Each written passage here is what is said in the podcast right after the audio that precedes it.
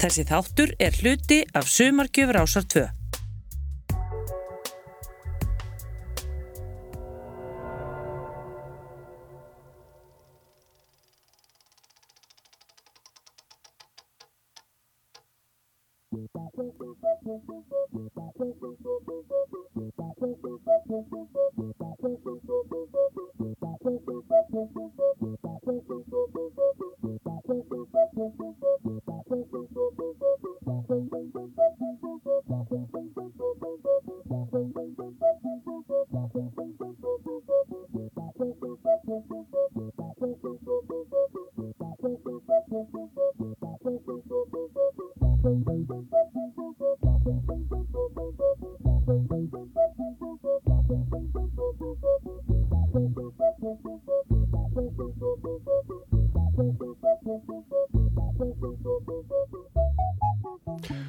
góðan dag, góður hlustendur Rásar 2 og gleðilegt nýtt ár.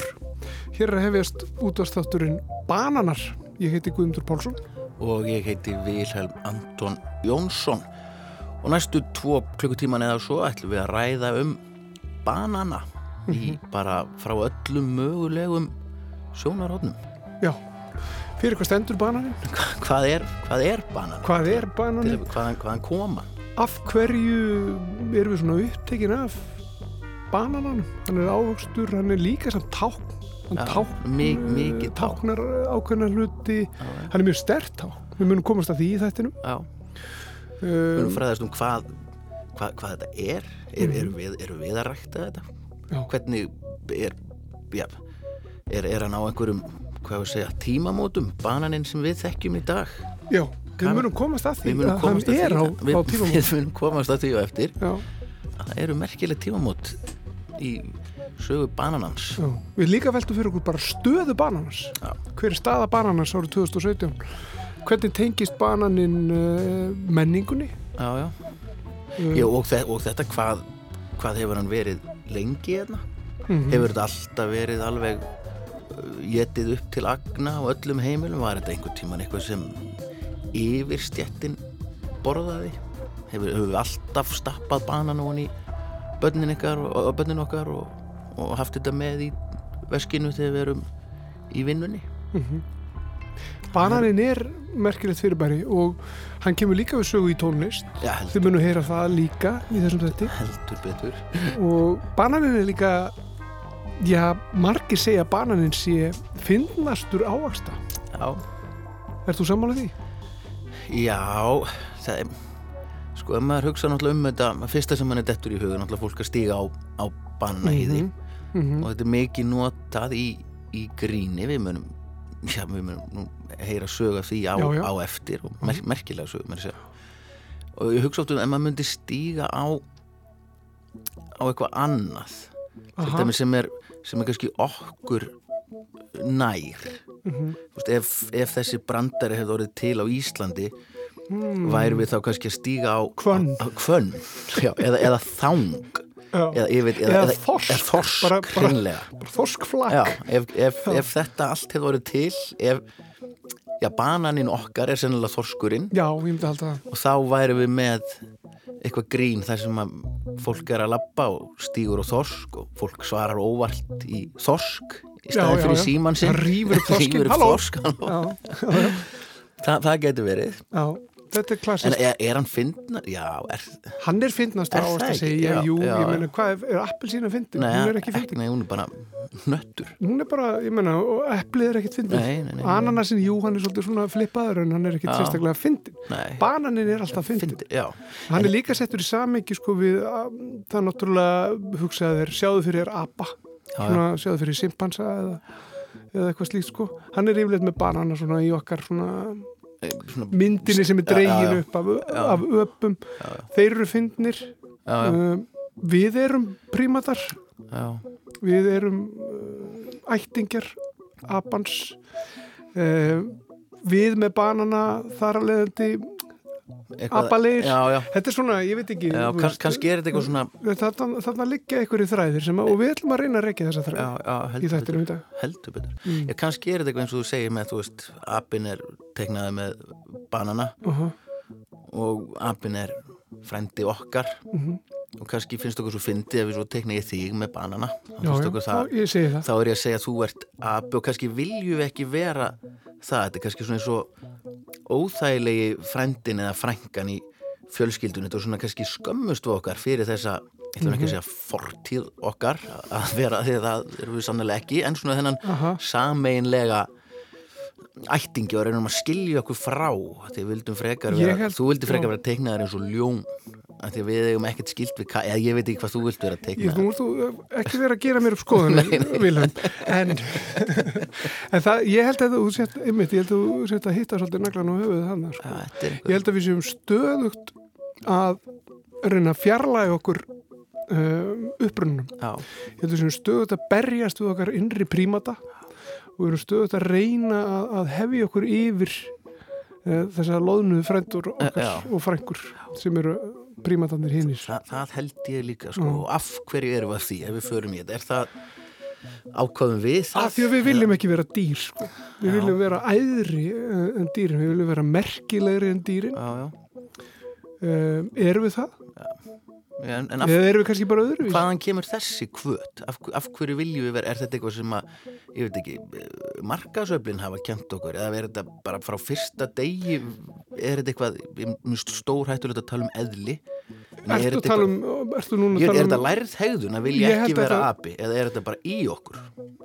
Um, Ég held að þetta sé þetta, þetta hangi saman við þess að svona við erum sko hinn vitiborni maður sko já. það, það, er það sem skilur okkur frá Já, hinnum hinnum prímatum það er bara ein tegund á jörðinni sem hefur kallað okkur hinn vitiborna mann það, eru- og það eru við. það eru við sjálf sko. Já, þannig að það er rosaleg einhver ringferð í sönnun sko. Já, og svo kom að trúa bröðin Já, og allt þetta inn í þetta sko, við drottnum yfir öllum uh, hérna, dýrum jarðarinnar og allt þetta sko. Já, já. En þetta er þáttur um banana, Þetta er þáttur um banana skulum ekki gleyma því við. Uh, við erum farin að bara leysa allar lífsins gátur. Já, fórum djúpt í þetta strax og fyrstu mínútu Við hefum ekki að heyra lægið fallega um, um bananabátt.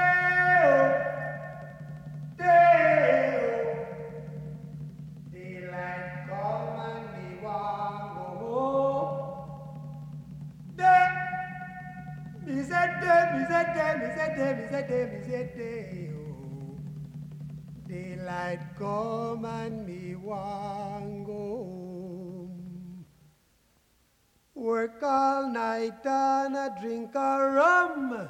Daylight come and me want go home. Stack banana till the morning come. Daylight come and me want go home. Come, Mr. Tallyman, tally me banana. Daylight come and me want go home. Come, Mr. Tallyman, tally me banana. Daylight come and me want go home. Live Six foot, seven foot, eight foot bunch. Daylight come and me one go home. Six foot, seven foot, eight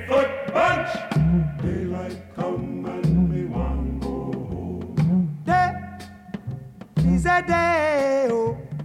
Daylight come and me one go home. day is a day, is a day, is a day, Daylight come and me one go home. A beautiful bunch, a ripe banana. Daylight come and me one go home. Hide deadly black tarantula. Daylight seven foot, eight foot bunch. Daylight come and be one go home. Six foot, seven foot, eight foot bunch. Daylight come and be one go home. day is a day. Oh. Daylight come and be one go home. day is a day, is a day, is a day, Daylight is a day. Come, Mr. Tallyman, tally me banana. Daylight come and we want go home. Come, Mr. Tallyman, tally me banana. Daylight come and we want go home. Day-o, day-o. Daylight come and we want go home. Day-o.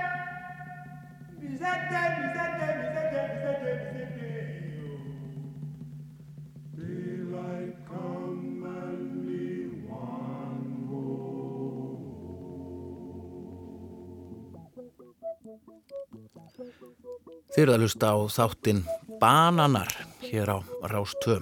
Næstu tvo tímana ætlum við Guðmundur Pálsson að fá til okkar gesti og ræða um þetta merkilega, merkilega fyrirbæri. Já þetta er stórmerkilt fyrirbæri, bananinn.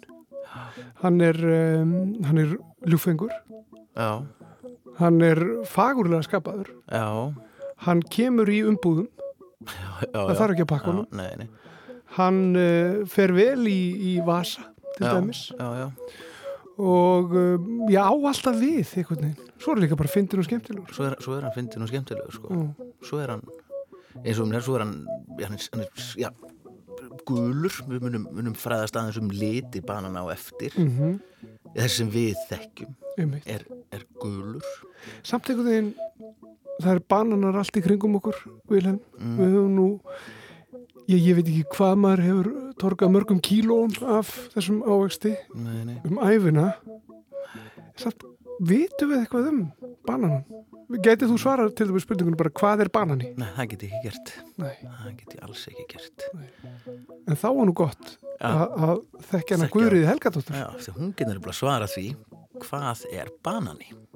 Banani er ber. Þetta er græsafræðilega skilgreiningin á banana. Já. Og ef maður horfir á vínber og bláber þá finnst maður þetta nú ekki að neitt skilt við ber en það er samt þannig. Þannig að við erum með svona eitthvað aldin sem er með hýði utanum, svo er kjöt innan í sem getur verið eins og í bananum, svona svolítið þett í sér og í hverju aldinni geta verið mörg fræ. Þannig að bananar fattundi þessa skilgreiningu þó svo að bananar sem við borðum í dag innihaldi vonandi engin fræ því þau eru mjög hörð og bara eiginlega ekki hægt að tyggja þau. Þannig að maður borðar banana með fræjum í þá er það svolítið eins og að vera með munnin fullan af möl með smá bananabræði. Mm. Já, Ótrúlega gerðilegt. Minnum á leikskóla árum. en sko bananin sem við borðum núna, það er, þetta er eiginlega bara ein tegund er það ekki sem að okkur er búið upp á hér að minnstakosti. Sko lang mest af banunum í heiminum eru svo kallar kavendis bananar og ég held að sé yfir 40% af þeim banunum sem að eru ræktaðir eru af þessu eina yrki þannig að þetta er raunum bara eitt klót og svo náttúrulega hægt að fá litla fingubanana og það eru til alveg ymsar gerðir af banunum en það sem við kaupum út í búð það er bara uppistaðanir þessi kavendis banani. Og, og af hverju? Af hverju erum við bara að borða kavendisbanana en ekki einmitt litlu banana sem hún endur sem ég er búin að gleyma hvað heita. Hérna, já, svona svo fingubanana eða eitthvað sleikt. Sko þessi kavendisbanani er í raun og veru það sem er mest rækta til útflutnings. Eh, Það eru stórar bananaplantegrur þar sem er auðvilt að rækta þennan banana, það eru auðvilt að flytja hann á milli heimsálfa, þetta eru svona stórir klasar sem eru skornir og meðan bananarnir eru ennþá grænir, þannig eru þeir fluttir á milli, milli heimsálfa. Og þegar á áfangastað kemur að þá eru þeir settir inn í svona sérstakka klefa þar sem er úðað yfir á náttúrulegu öldrunargasi sem heitir etilen og þessi banani, kavendisbananin, hann bregst mjög vel við þessari meðferð. Mm. Það er fullt af öðrum bananatýpum í ræktun sem eru kannski bara svona borðaðir heima í héræði. Rækta er af svona hjá þeim þjóðum þar sem að bananar eru kannski megin uppistaða fæðunar. Þar eru menn með miklu fjölbyrtar úrval. En það sem er rækta til flutnings á milli alva, það er fyrst og fremst þessi kavendisbanani. Hann er betri en, en bananin sem var ræktaður áður, þannig að það var annar banani eða ekki annað yrki sem var svona yrkið. Yrkið á undan kavendisbananunum, það var yrkið sem var kallað Gros Michel upp á franska vísu og Big Mike á ennsku. Stóri mikki, nei, ég veit ekki.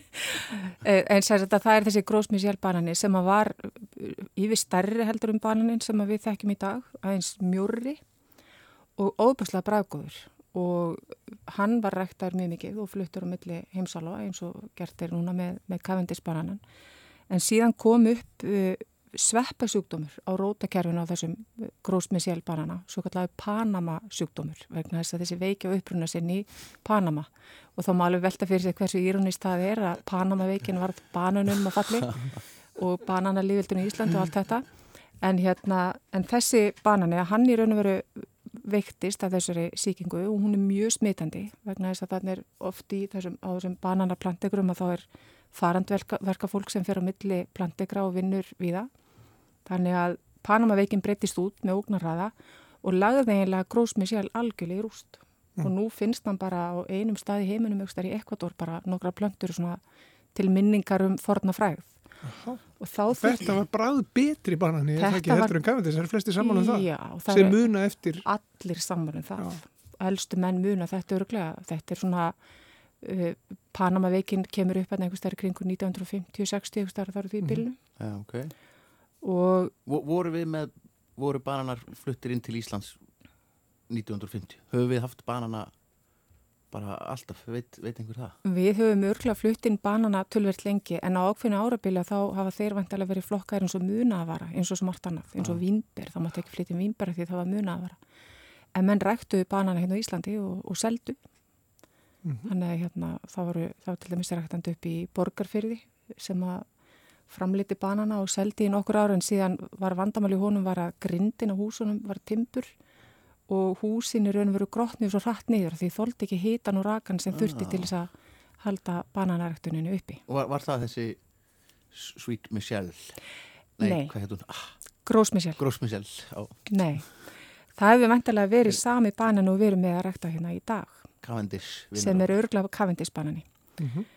En aftur yfir í þessa veiki Já, um að þá sem sagt var Cavendish-bananin að hann var til í Breilandi eitthvað tíman 1830-40 sleis bara heima hjá Cavendish fjölskyldinu garðirkjumadurinn þeirra. Þetta var við svona hefðar fólk sem var með gróðurhús og þar þóttur rosalega fínt að rækta banana til að geta búið gestum upp á það. Og garðirkjumadurinn þeirra dætt neyru þennan fína banana sem var síðan nefndur eftir fjölskyldinu, það er Cavendish-bananin Ekki garðirkjumadurinn Nei, hugsið ykkur. Það hétt hann eitthvað allt annað. Það hétt hann John eða já, já. John Gardner. Já. En síðan fór þessi, þau sendu síðan þennan banana og einhverjar plantegrur sem þau átti eitthvað stær í einhverjum nýlendum og, og hann fór í rektun. Og þegar grósmið eðilaðist, þá komið ljós að þessi banani gæti vaksið á stöðum þar sem grósmið sjálf hafi vaksið áður og gæti ekki lifað. Þannig að kavendisbananin þóldi þessa síkingu. Mm -hmm. Hafið mótstöðu gegn henni og það var að nota sama land til rektunar Þannig að þá breytist kavindisbananin út með ógnarraða. Mm. En sjúkdómurinn held áfram að þróast og nú er talað um að það er komin neila fjörða útgafa þessum Panama uh, sjúkdómi og svo útgafa eða sá hérna, jú við getum sagt útgafa af sjúkdómi að það er sá sem fellir kavindisbananin. Því að núna er hann síktur. Það, það er fyrir sánlegt við vitum það að bananinn sem að við erum að borða, hann er að deyja. Við vitum allavega að bananin sem við erum að borða að hann er í mikill að hættu. Oh yes, we have no bananas We have no bananas today got string beans and onions and big juicy lemons and all kinds of fruit and say We've got an old fashioned tomato, a Long Island potato. Oh, yes. We have no bananas. We have no bananas today.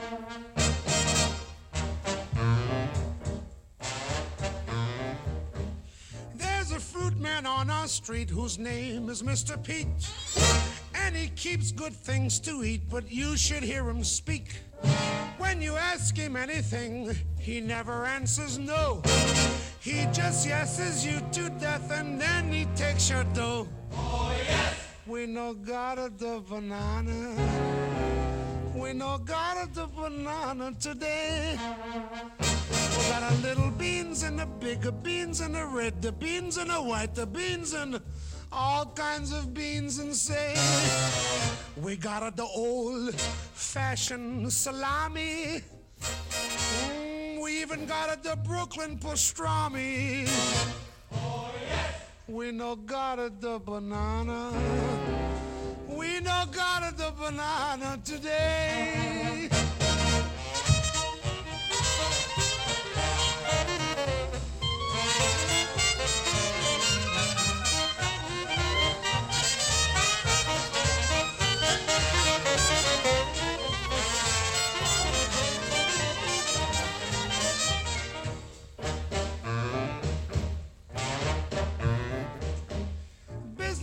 So good with him, he rode home to say, Send Pasquale, Nick, and Jim, I need help right away.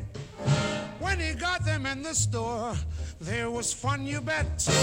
Someone asked for bananas, and then the whole quartet. Oh, yes, we have no bananas. We have no bananas today. We have bananas. And the carrots. And celery. And olives.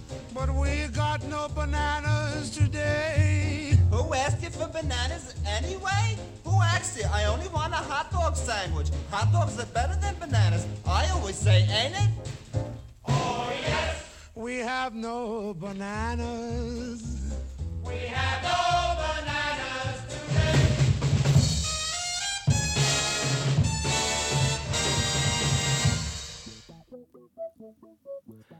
Þið eruð að hlusta á þáttinn Banana hér á Rás 2 og Guðrýður Helgadóttir, garrikjufræðingu, var að segja okkur já, frá veikinni sem er að leggja bananarækt í heiminum í rúst. Skulum gefa henni orðið aftur. En þessi veiki hefur ekki breyðist út til allra ræktunarsvæða í heiminum. Þannig að menn eru að gera alls konar ráðstafanir að verja þau svæði sem ekki eru síkt. En það blasir við að það verða að fara í að finna næsta banana. Já, og eru glöggir garðirkifræðingar að, vinna í því? Banana sérfæðingar heimsins Ekki viljum við missa banana. Nei, það er ekki hægt. Þeir leggja nótt við dag reyna að finna, finna nýjan banana og það eru náttúrulega úttalt tegundi til að bananum. En, en sko þetta er tapað stríðið ekki við, við sveppasíkinguna. Það þýðir ekki að ætla eitthvað út um henni. það, nei, hún er, þessi sveppur er bara komin til að vera og kavindis bananin og þessi sveppur að þeir, hérna, þeir munu ekki eiga gott líf saman. Það er að segja sveppur mun drepa bananan. Cavendish er döður. Kavindis, uh, slúin segja, hann á ekki mjög marga lífdaga framöndan ef ekki tekst að verja þessi svæði sem eru sík. Um, þú ert með nokkra banana með Já, þér og- sem, sem að sko þú hefur bara ræktað sjálf og, og þitt fólk í hverjageri. Já, eins og glöggir áheyrendur Já, sjá, já. eða heyra, ég veifa banan eða Já, já, já. prófa það. Sko í garðirkjuskólanum Reykjum að þar eru við með, með banana plantigru sem er svo Banana skemmt Banana.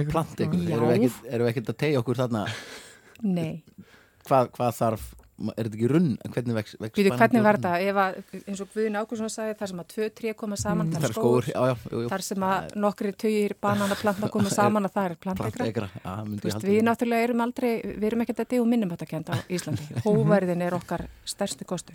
Hvernig vaksa bananar? Sko það er enginn sem að sest bara undir banana tré beint svona eins og bara hvert er það, og bara situr þar í skugganum og, Og og, og tegir sér eftir banana.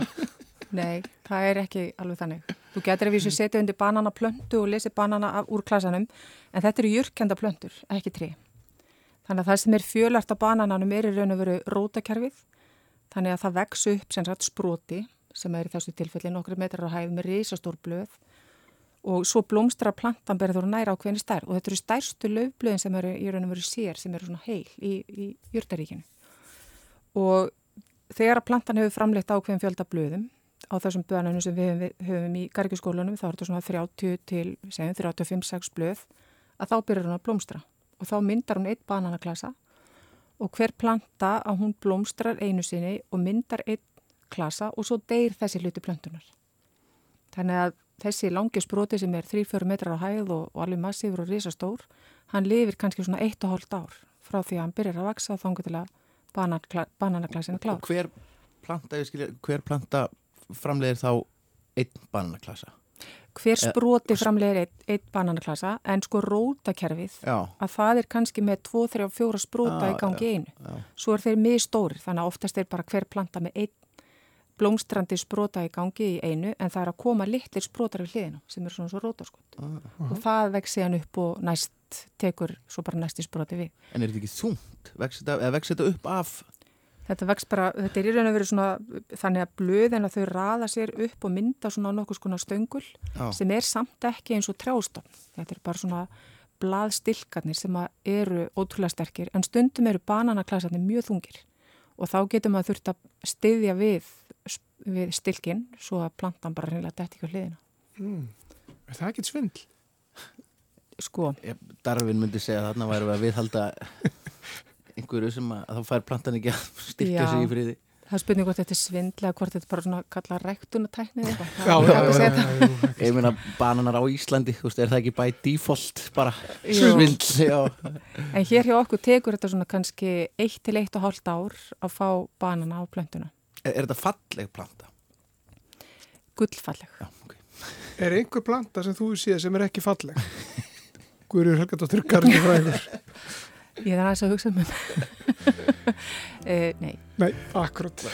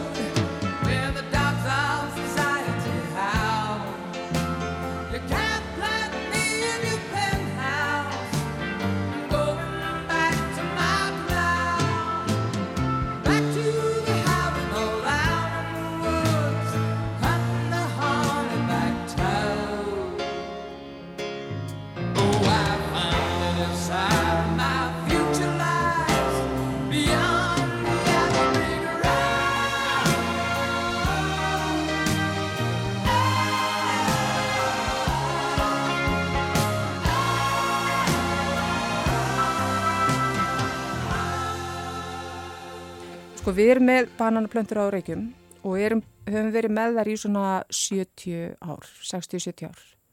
Og það kemur til að því að þegar að menn fóru rækti gróðurúsum á Íslandi, svona 90, fyrsta gróðurúsum 1924 og svo fljótlega eftir það, þá fóru menn að prófa hvaða hægt var að rækta hérna á Íslandi. Og menn vissu það ekkert í upphafi. Þannig að þeir prófuðu alls konar. Þeir prófuðu banana, þeir voru með kaffi og melónur, vínber, melónur og vínber fín sem voru seldi á Sill og Valda og fleira skiljið þannig að menn prófuðu alls konar. Svo kom í ljós að bananarnir tóku mjög mikið plás. Það var erfitt að, að hérna, halda húsunum við af því að það notað var svo mikið raki og timbri sem var það notað í burðagrindina það fúnaði bara skömmun tíma og svo það að það þarf að býða í rúmt ár eftir uppskerunni. Það er ekki heppilegt að maður ætlar að hafa tekjur af ræktuninni. Þannig að þegar þetta kom alltaf í ljós að þá var eiginlega fullreint með banana svona til þess að sko hafa almennilega tekjur af þeim. Þannig að þá fengu þessir bananar framallífi í garðirkjuskólanum. Og, og það eru þessi við bananar sem þú út með hér. hér fyrir fram að mig er ég með þrjár mismunandi típur af bananum Aha. og þar er fyrst svona svolítið við segja, ekkert mjög stór en svona svolítið þykkur og mjög braggóðu banani Já, sem að er að öllum líkendum kavendis banani. Því þetta er að plöntu sem komið frá Breitlandi Mhm. í, í kringu 1940 og voru ræktaðir hérna nýri Laugardal þar sem set, af Eiríki Hjartarsinni sem setna gaf landi sitt inn í, inn í hérna grasakarinn, eða seldi borginni landið og það var grasakarinn Mm. og Þetta er bara bananinn sem, að, þetta er, sem allir, allir elska. þetta er besti bananinn Já, því að kosturinn við að vera með svona bananaplantekur á vinnustæðanum er að maður lappar nýr í bananahúsið, tínir bananan, fullþroskaðan af plöntunni og borðar hann og bragðið er allt annað heldur en þegar maður kaupir búðakjöfta banana. Því Mhm. þarna fær ávisturinn að þroskast allan tíman á og ekkert plöntunni. gas eða vitlisa.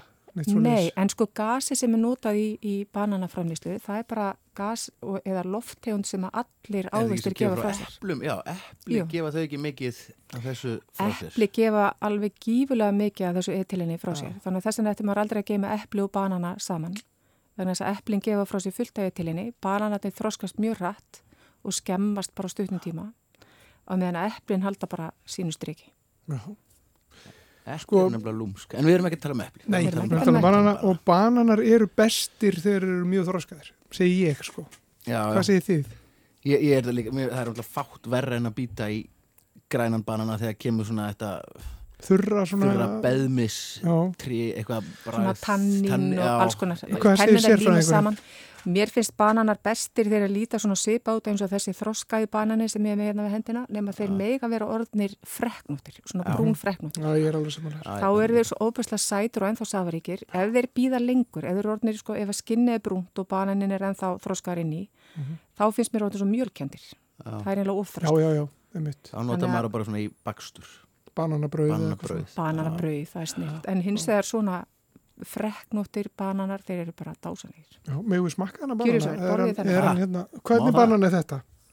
þetta er nú sennilega bara lítill kavindis Já, já, ok. Þetta er Þetta er fyrsta skipt sem ég smakka íslenskan banana. Mm, Vá. Góð lykt á hann að báða. Já. Já, já. Gott útarp að borða Já, sko, þetta er bara, veist, þetta er bara allt annað. Hann er bara annari deilt, þessi banani. Já. Þetta er bara svona, þetta er, þetta er svona bara gerfilegt. Þetta er bara eins og banana í sósu. Já, einmitt, það er svo þessi verið að reyna að herma eftir banana. Já, já. Mjög vel. Þetta er svona eins og þegar maður finnur ilmatslikt á blómum. Þegar maður er orðinn svo hérna. Þetta er mjög gott. Vá, er góður. Mjög góðu banani. Mm. Eh, þetta er frábært já, en sorgarfrétnar eru Cavendish eins og við þekkjum að það lítur ekki vel út með, með það yrki. En góðu frétnar eru að bananar sérfræðingar um allan heim uh, vinna dag og nótt að því að, að finna nýtt yrki. Þeir unnast er ekki kvildar fyrir að þeir eru konu með næsta banana. Það er algjörlega reynu, Kæra þakki fyrir spjallið, Guður það var lítið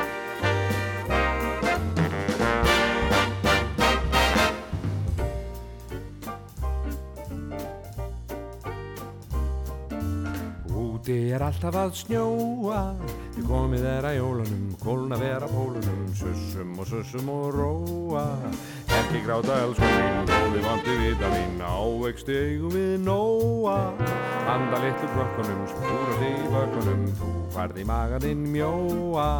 Melónur og vindber fín Og kinninn í litla Sér kannski soldi Köld og blá Áttu samt vini sem aldrei bregðast á ástunum Guður er nú rekja þá. Sussum og sussum og róa Ekki gráta elska mín Góði vandi vita mín. Þú færði maga minn mjóa Melónur og vind er fín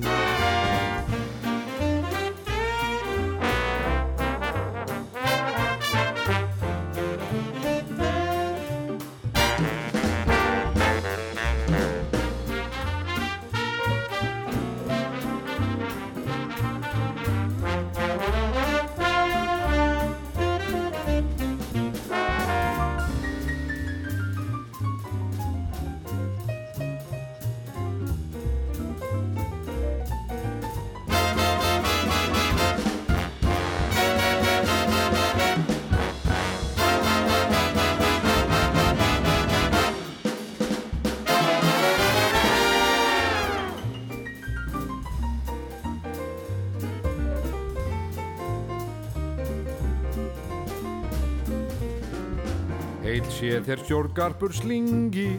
Hver er betri í fæinu hjá frelsins vandalæginu Þú átt að vera á þingi. Við skalum kjafta skóðunum og saminuðu þjóðunum Ég held varla langtími líði. Áður en að hankanum í algjörlega bankanum Hangi þinn hattur með fríði. Húrra verið þér og mér. Aldrei verðum við hugstólan ég hissa á Klækjum og grind okkar keppin nöyda Slíka pegja pent við munum pissa á. Látum nú skrýða til skara Gegn útúslausum kavaler sem kennir sig við eini ber. Hann ætti held ég nú bara að hengja sig í runni Að hengja sig í runninum.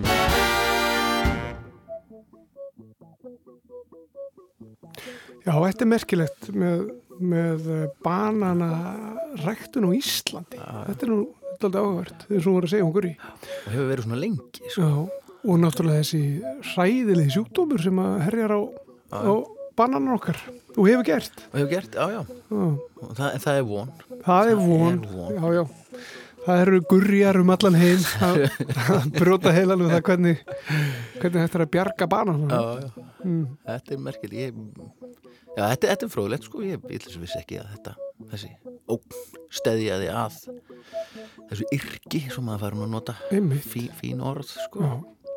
Já. og, já, og hann hefur lendið þessu áður. Blessaður, blessaður bananinn. Já, akkurat. Það er leðilegt þegar ávextir sem manni þykja væntum lendi í svona já, En svona er lífið.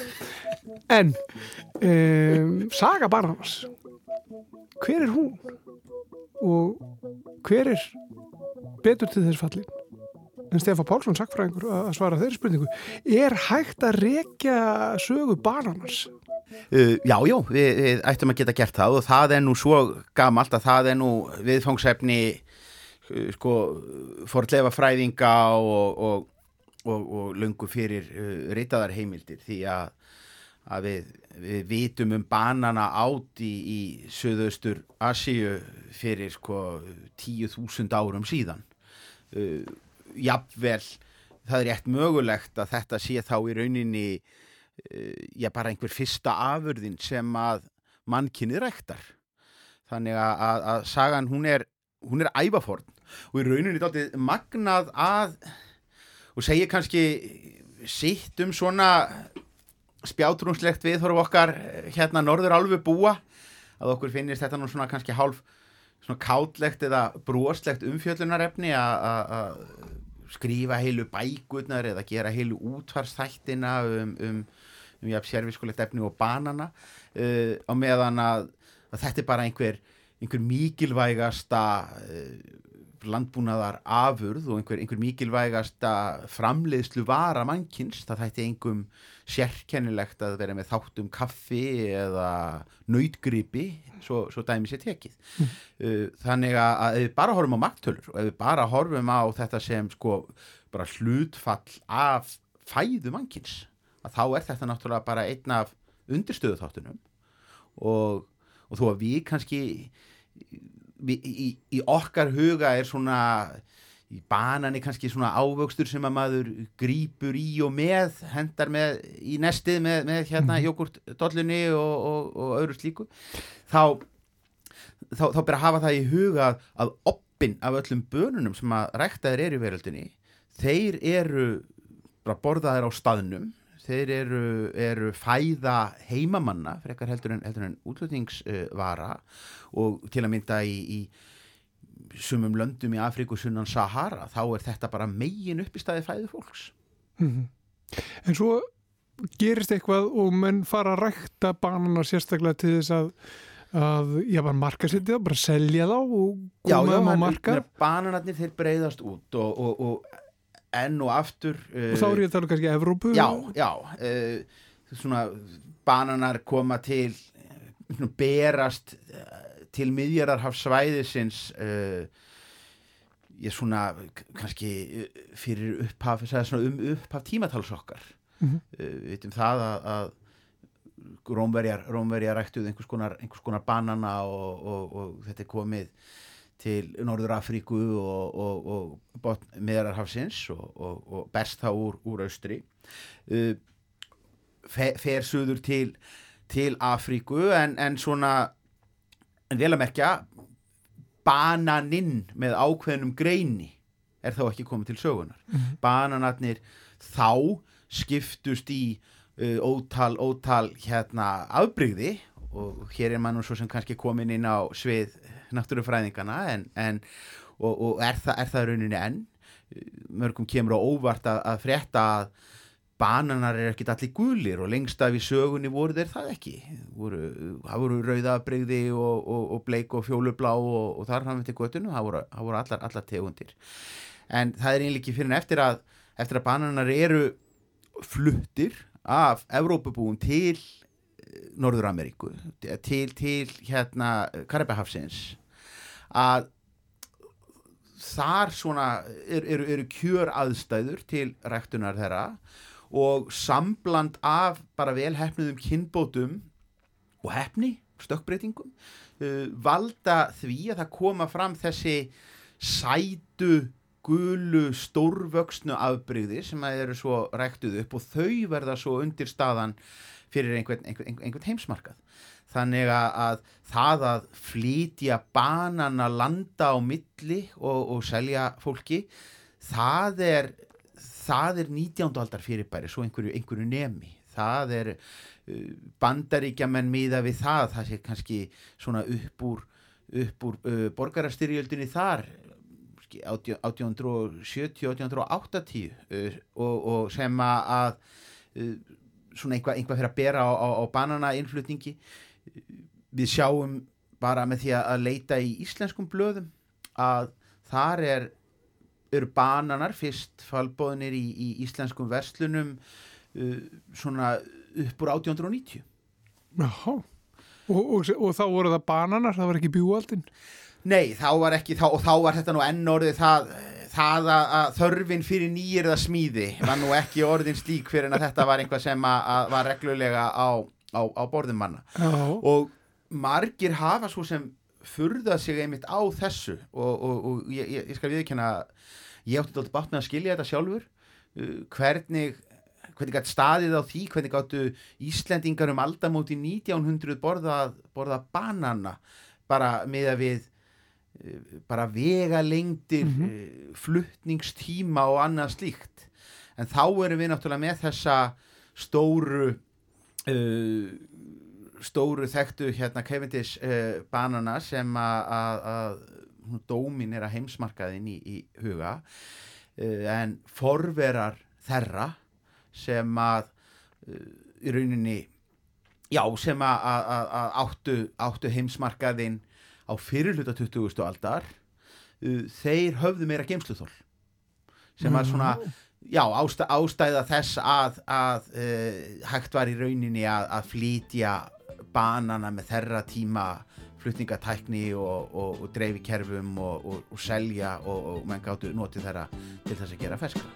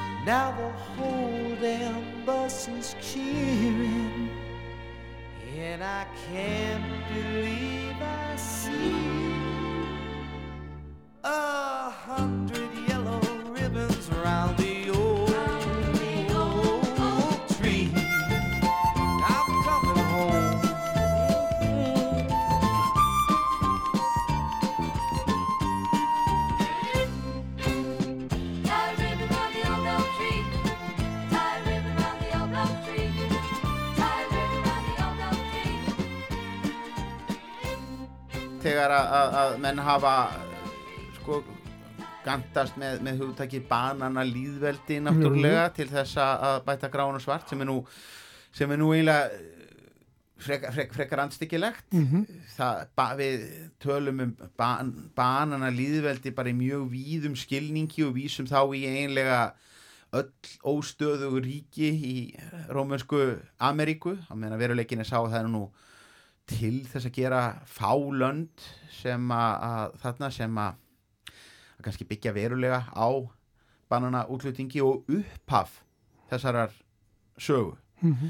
uh, það vísar í, í, í það þegar að, að uh, já, banana þegar að, að bandarískir bananarisar uh, fengu bara grænt ljós frá, frá bandarískum yfirvöldum og, og segja að, að steipa hérna sér ekki nægilega vilhóllum ríkistjórnum í, í, í þessum, þessum viðskiptalöndum sínum og, og uh, framkvæma þar þar valdarán.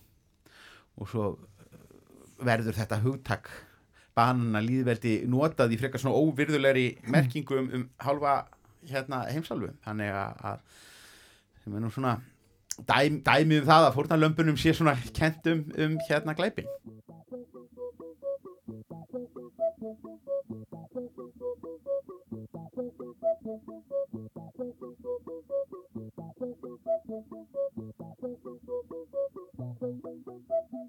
allra fyrst vissum við nú reyndar ekki alveg hvernig ætti að uh, hegða sér varðandi þennan, þennan banana og bananin var líka dýr. Þannig að það var ekkit endilega rökrétt að, stífa hann úr, úr, úr nefa þannig að uh, það eru, eru, eru heimildir um það að fyrstu bananatin hafi nú hreinlega bara verið serveraður á, á disk með hníf og gafli og svo hafa náttúrulega verið ímsækt tilhörni gerða til þess að, að matreiðan og við þekkjum það náttúrulega að bananar grillast alveg príðisvel Mhm.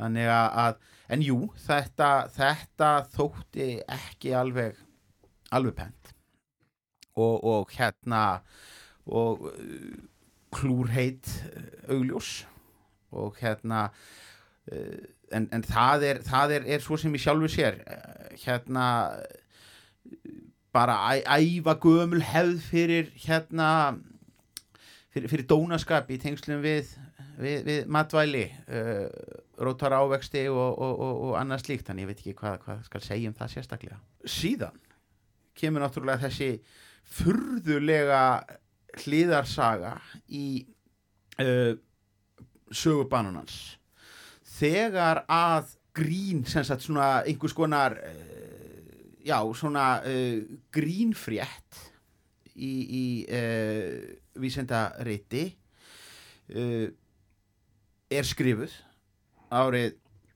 skrifuð hérna á setni hluta sjönda áratúarins sem er svona grein sem er svona hugsuð sem gaggríni á uh, fíkniefna pólitík og, og bann við, við fíkniefnum.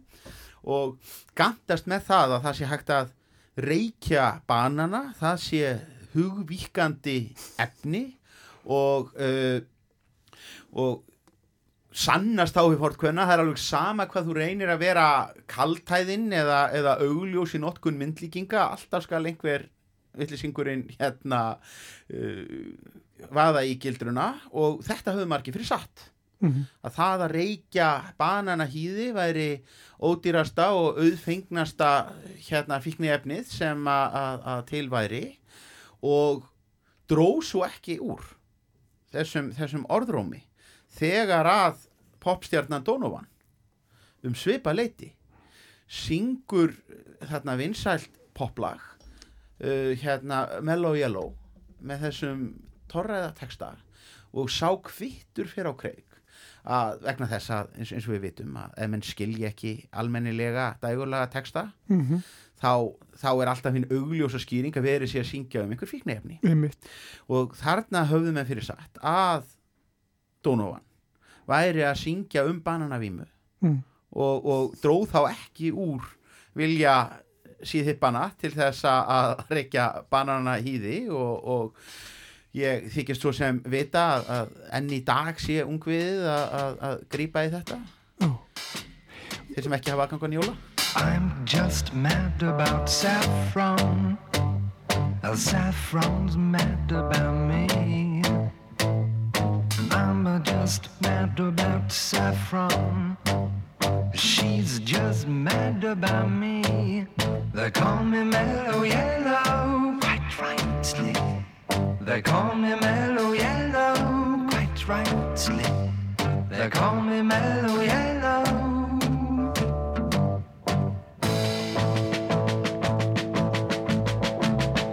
I'm just mad about 14. Uh, 14's mad about me.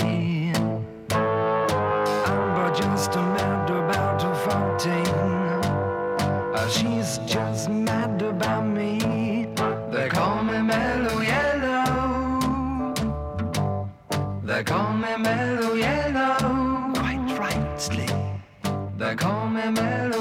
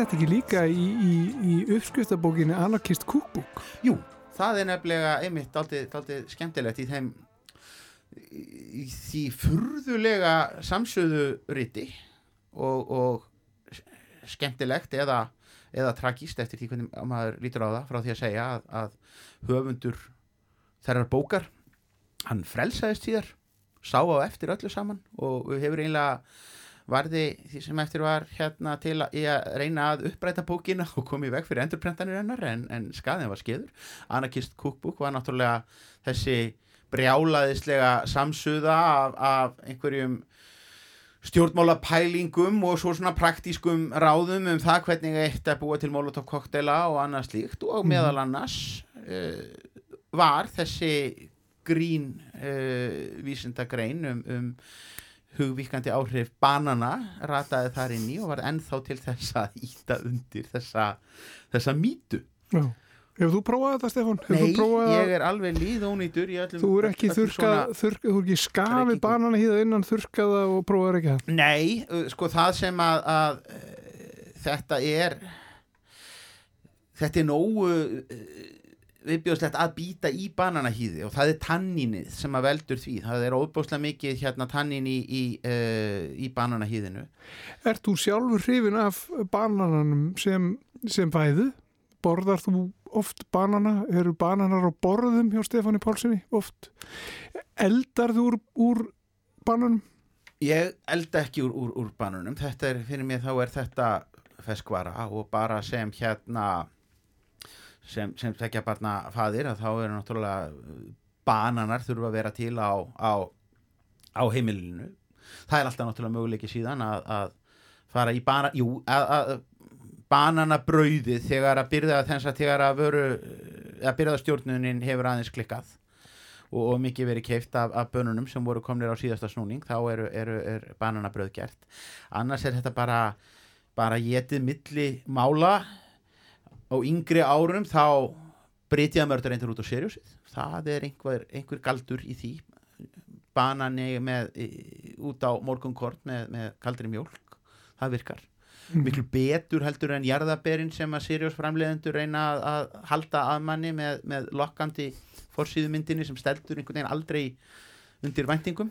Nei, þetta er rétt. og ef maður líka rýnir, sérstaklega ef maður rýnir í myndina og, og utan á séróspakkanum þegar maður sér að það er ekki mjólk í skálinn, þetta er líf. Já, þetta er náttúrulega ekki í lægi, sko. Þa, þetta er ekki lekkert þetta er, að hafa- þetta hafa er sko, ég veit ekki, þetta er eitthvað sem að þeir gera Já. í markasetningunni þeir gera þetta líka þegar markasetningunni hefur ekki lendið, sko, þú, ert að fara- þú ferð á veitingastað, þú er bara hambúrgara og það er hambúrgarin er ofsalega gyrnilegur svona þéttur og hár og, Já, já, og afskaplega svona ferst brakandi salat. Svo svona salatblað og tómatsneið á disknum þú færð þetta aldrei. Nei, nei, þú færð aldrei það sem sérð. Það fær- fær aldrei, nei, aldrei, aldrei sem þér er lofað. Er og, og, og hérna enda náttúrulega þetta er ekki pípa, sagði myndlistamæðurinn hérna. Myndin af hambúrgaratilbóðinu er ekki hambúrgaratilbóð það er nú, það er nú, er nú hérna hlutur sem er, er rétt að, hafa í huga og, og myndlistamændi, þeir geta nú sagt okkur okkur ímislegt. Nú erum við búin að tala helmikið lengur um við ætlum að gera, eða tvöfald. Já, þetta verður allt saman klift niður í eftirvinnslu Við þurfum að spa, náttúrulega spóla, sp, sp, spæna þetta í okkur. Er eitthvað sem að við erum að sleppa sem þú vilt koma á? Ég veit ekki nákvæmlega hvaða viðmælendur þið eru með í, í þessum þáttum þið eru þá vantilega með raunvísinda menn sem að ræða um þetta sérkennilega fyrirbæri með þessa, þessa geislavirkni í, í banun, banunum þó að, að lítil sé. Þó það mikil að þetta er vandamál fyrir uh, bandarísk skrifverka yfirvöld sem að hafa eru verja miklu lengri tíma í að, að leita af sér grun uh, sem sagt, um að, að, að það sé ekki verið að smigla inn háskalegum geislavirkum efnum þegar að um bananafarma er að, að ræða þetta er sem sagt veruleiki að það er einhvað óverulegt magna af geislavirkni sem er innbyrðið við að borða banana. En þetta hefur hins vegar líka hjálpað til. Eiginlega sko að auka vísenda læsi almennings í bandaríkjunum. Því að það er sem sagt uh, til hugtakið svona bananaskamtur á geislavirkni. Vegna þess að uh, geislavirkni hljómar náttúrulega hræðilega. Enginn vill búa við geislavirkni þannig að, að það er mjög auðvelt að skelfa fólk með upplýsingum um það að geislavirkni hafi mælst á einhverju svæði eða frá einhverju fyrirbæri. Og til þess að róa almenning þá hafa yfirvöld og vísindamenn oft sett þetta í samhengi við banana. Og sagt já já hérna er, er uh, útvarpsvekjarindin hann gefur hér frá sér svo og svo mikla geislavirkni það er nú samsvara svo og svo mörgum bönunum því að, og þá róast nú flestir vegna þess að, að fólk hefur nú reynt það á eigin skinni að, að borða ófáan bananan án þess að glóa í myrkri.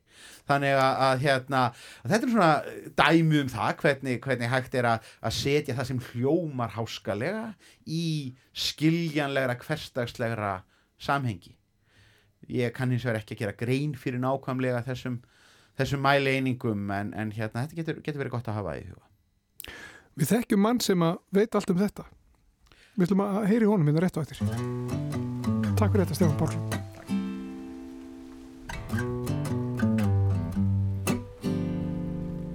Well, can't you see that it's just raining? There ain't no need to go outside. But baby, you hardly even I try to show you. Song is meant to keep you doing what you're supposed to. Waking up too early, maybe we could sleep.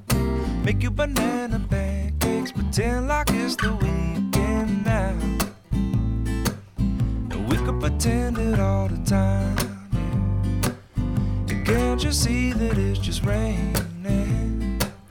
There ain't no need to go outside.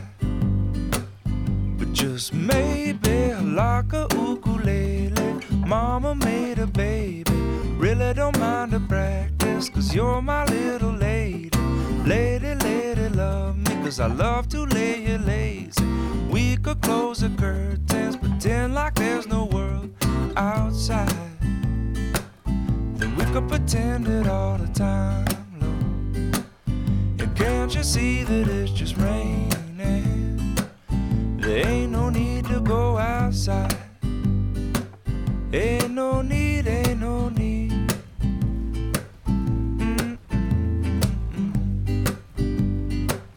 Can't you see, can't you see? Rain all day and I don't mind.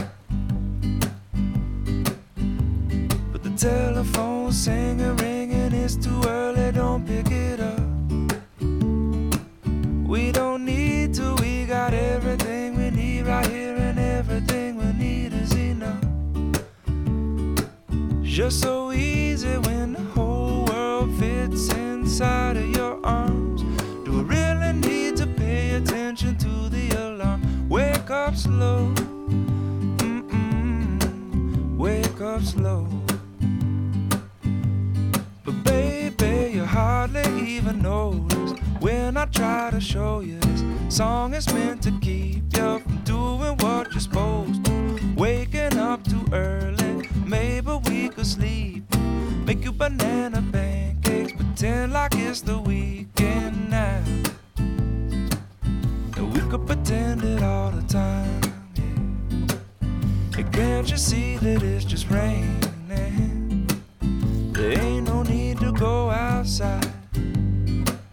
Ain't no need, ain't no need. Rain all day and I really, really, really don't mind. Can't you see, can't you see? You gotta wake up slow.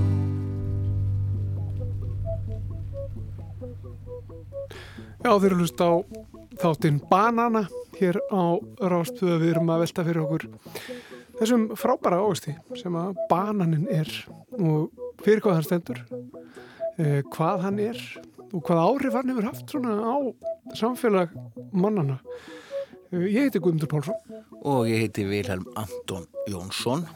Og við vorum að hlusta á hann Stefan Pálsson, sagfræðing, rekja sögu bananans fyrir okkur, hún skemmtileg, skemmtileg saga. Heldur betur. Skemmtileg saga og svona kapla skipt. Og hann endaði á ymd sér nokkuð skonar bombu. Já, segja okkur frá því að bananar væru geislavirkir. Já, getur það verið rétt? Uh, já og nei sko. Þeir eru áleika gíslaverkir eins og allt annað sem við finnum í kringum okkur. Svona nokkurn veginn. Þetta er Þórhallur Haldursson hann er prófessor í næringafræði við Háskóla Íslands, hann veit allt um þetta en, en sem sagt þær hafa fengið þennan gíslaverka stimpil á sig því að það er til eitthvað sem heitir sko banana equivalent dose eða sem sagt svona gíslaskamtur úr banana. Og ástæðan fyrir því er eiginlega algjörlega óljós nema þetta er sjálfsagt sko sett fram einhver tíman svona seint á á 20. öldinni þegar menn eru farnir að geta mælt geislaverkefni í tiltúla lágan styrka menn gáttu þannig alltaf en svona neðar og neðar og voru að velta fyrir sér bakgrunnsgeislun og geislaverk í matvælum og öðru sjálfsagt tengt einhverjum slísum og einhverju svoleiðis og, og þá, þann, þann, þá hefur bananin orðið sennilega fyrir valinu og, og sagt og geysla skamturinn sem að fælst í náttúrulegri geyslun í banana hefur orðið til þess að vera svona mælikvarða á það hvað þú þarft að borða marga banana til dæmis til þess að deyja á geyslunum, það eru cirka 10 miljón bananar eða, eða Ok, okay. sagt, ok. og fjöldi banana sem þú þarf til þess að fá í þig geyslaskamt sem að fyrir að gera þér einhvern skada til lengri tíma eru cirka 300 bananar á dag Mhm. en það er sem sagt Þannig að það er hægt. það er hægt það er allt hægt, það er allt sén sko en ég las nú bara og ég selða nú ekki dýra en kæfti, ég fann nú bara á Wikipedia sko að, að, að, vörubíl fullur af bananum getur sem sagt leitt til þess að, geislaskanna sem er að skanna fyrir sem sagt ólöfnum geislaverkum efni getur farið að gefa frá sér merki og flagga sko. Mhm. en, en það geta öruglega fullt af öðrum svona matvælum og hlutum gert en það er geislavert efni sem heitir sko kalium það er bara kalium, sko það er kalium í, í, í þarna í, bönunum, salt og hérna og sem sagt svona ísotopa samsetningun á kalium er þannig að það er hérna kalium 40 bara náttúrulega sem er geislavirt, það er beta geislavirt efni. Og hérna og það er þá það sem er í sem sagt banananum og sjálfsagt fjöldanum öðrum af ávöxtum Já. Já. En, en, en kalium er eitthvað sem við bara þurfum? þurfum og það er bara í öllum flestir fl- flest frumefni eða mörg frumefni eiga sko eru með ísotópadreyfingu og einhverjir ísotópadnir eru geislavirkjur og það er þessi náttúrulega geislun Mhm. og, þarna, og það er bara í eðlilegu magni og náttúrulega kalium er þannig að, er, að það myndi aldrei sapnast upp því að þetta er regulera mjög nákvæmlega í líkamannum sem nýrum sjá bara um að skilja út umfram magn og, þessum, og, og halda bara þarna, styrki blóðið bara réttum. Þannig að þetta myndi aldrei sapnast upp. En, en það er sem sagt þessi náttúrulega geislun, þú finnur hana víða á, menn að sumu jarfiður er sem sagt plöntur er auðvöldara með að taka upp efni annar staðar, þannig að það getur verið munur í, í matvælum í geislavirkni. En ég myndi nú telja bananáðan til tekna ef það er til dæmis kjarnarkuslís, að þá þarna, þá myndi maður sennilega daginn eftir geta borða banana en einfallega hann er varin af hýðinu, sko. Þannig að, Já, já, já. Þannig að áfallið væri, ég myndi allavega ekki hafa ágjör af því en það kannski myndi að aðrir með maður margt annað græmut eins og eftir Tjernobyl þegar það sprakk og í svona slísum og þá fara með strax að hafa ágjör af því sko áfallin geislun á matvæli, hún er ekkit af hennu góða sérstaklega. en fótboltanum. banan er náttúrulega á versið sjálfur með, Versi sjálfur með með hýðinu. En, en ég held að bara þetta sýnir bara áhuga fólks á banan og hvað hann er áhugaverður, ekki bara sem matvæli, menn hann, hann hafi fengið þennan sem sagt, þessi búin til einingi kringum hann sem svona náttúrulegu geislaskemtur úr frá matvælum. Mhm. Og það er svona, já. Er, er, er því nú erum við að tala um banan og alls, helst alls ekkert annað, en er eitthvað annað í náttúrun, af, hverju, er, er bananinn efstur í þessari, er, er mest geislavirkni í honum, eða er eitthvað annað, er til dæmis kannski jólamandarínan eða, eða klementínan, er hún kannski mun skadlegri en við bara höfum ekkert, eða skadlegri. Já, ég var eitthvað, eitthvað að reyna að velta þessu fyrir mér og flett út, sko. Það er náttúrulega fjöldin allur að matvælum með herra kaljuminni hald heldur en bananar, en kannski, það eru kannski matvæli sem borðar ekkit í sama magni, þannig að bananin er kannski svona, hann er samt sko miða við einhver ávist og græmiti, þá síndist mér að vera svona heldur herri innan Já. þessara, sem sagt, þessara náttúrulegu marka Mhm. sem að miðast á við að þú þurfa að geta hundruður þúsunda af einhverju, einhverju, einhverjum ávastu til þess að, að fara að líða illa. En hann er kannski þarna í efrimörkunum og þess vegna hefur hann orðið fyrir valinu og kannski líka út af því að fólk bara, bara dreymir banan og finnst banana góður og bara, veist, þetta er bara eitthvað. En er hægt að segja að bananar séu hollir? Er þetta hollfæða? Já, ég myndi segja að bananar væri bara nokkuð hollir sko. Já, þetta er náttúrulega, þetta er ekkit rosalega hátt trefið henni hald og þetta er náttúrulega til, til, til að mikið bara sigur, eða sem sagt sko, bara kolvetni og, og meina, eitthvað ávasta sigri hérna og veist, menn hafa oft verið að tala um banan eins og hann sé óhollur því að sigurstuðlinn sé svo hár og þú er ekki að borða svo, svo mikið en sem sagt sem bara vítamingjafi og, og steinefnagjafi og, og sem orkugjafi er hann bara Já. og hérna en alls ekki sko hann er náttúrulega ekki náð sem við hæðum eins og kókosölju og tíafræ en, en hann er svona en hann er svona, þú veist, þetta er virkilega bara góður ávöxtur og hollur en, en, en kannski alveg ákettur í, í hófi sko Já, eins og allt. eins og allt gott. sko Já. meina, og þarna hann náttúrulega auðvitað að stappa hann í börn og gefa honum og, og meina, bræðið er gott og notaði koktel og ég veit ekki hvað og hvað og það er bara allt um gott að hann segja en hann er bara eins og epli og, og, og, mandarinnur og svona á, á því kalibri og ekkert sérstætt um hann að segja svo sem nema náttúrulega hann bara einhvern veginn höfðar meira til fólks heldur um allt annað Þannig að við erum í liði með bananar. Við erum alveg í liðin. Prófessorinn er þar. Og, og minna, hann, það bara sýnir á hvaða stalli hann er að það, að það sé til geislæðining nefnd eftir banan.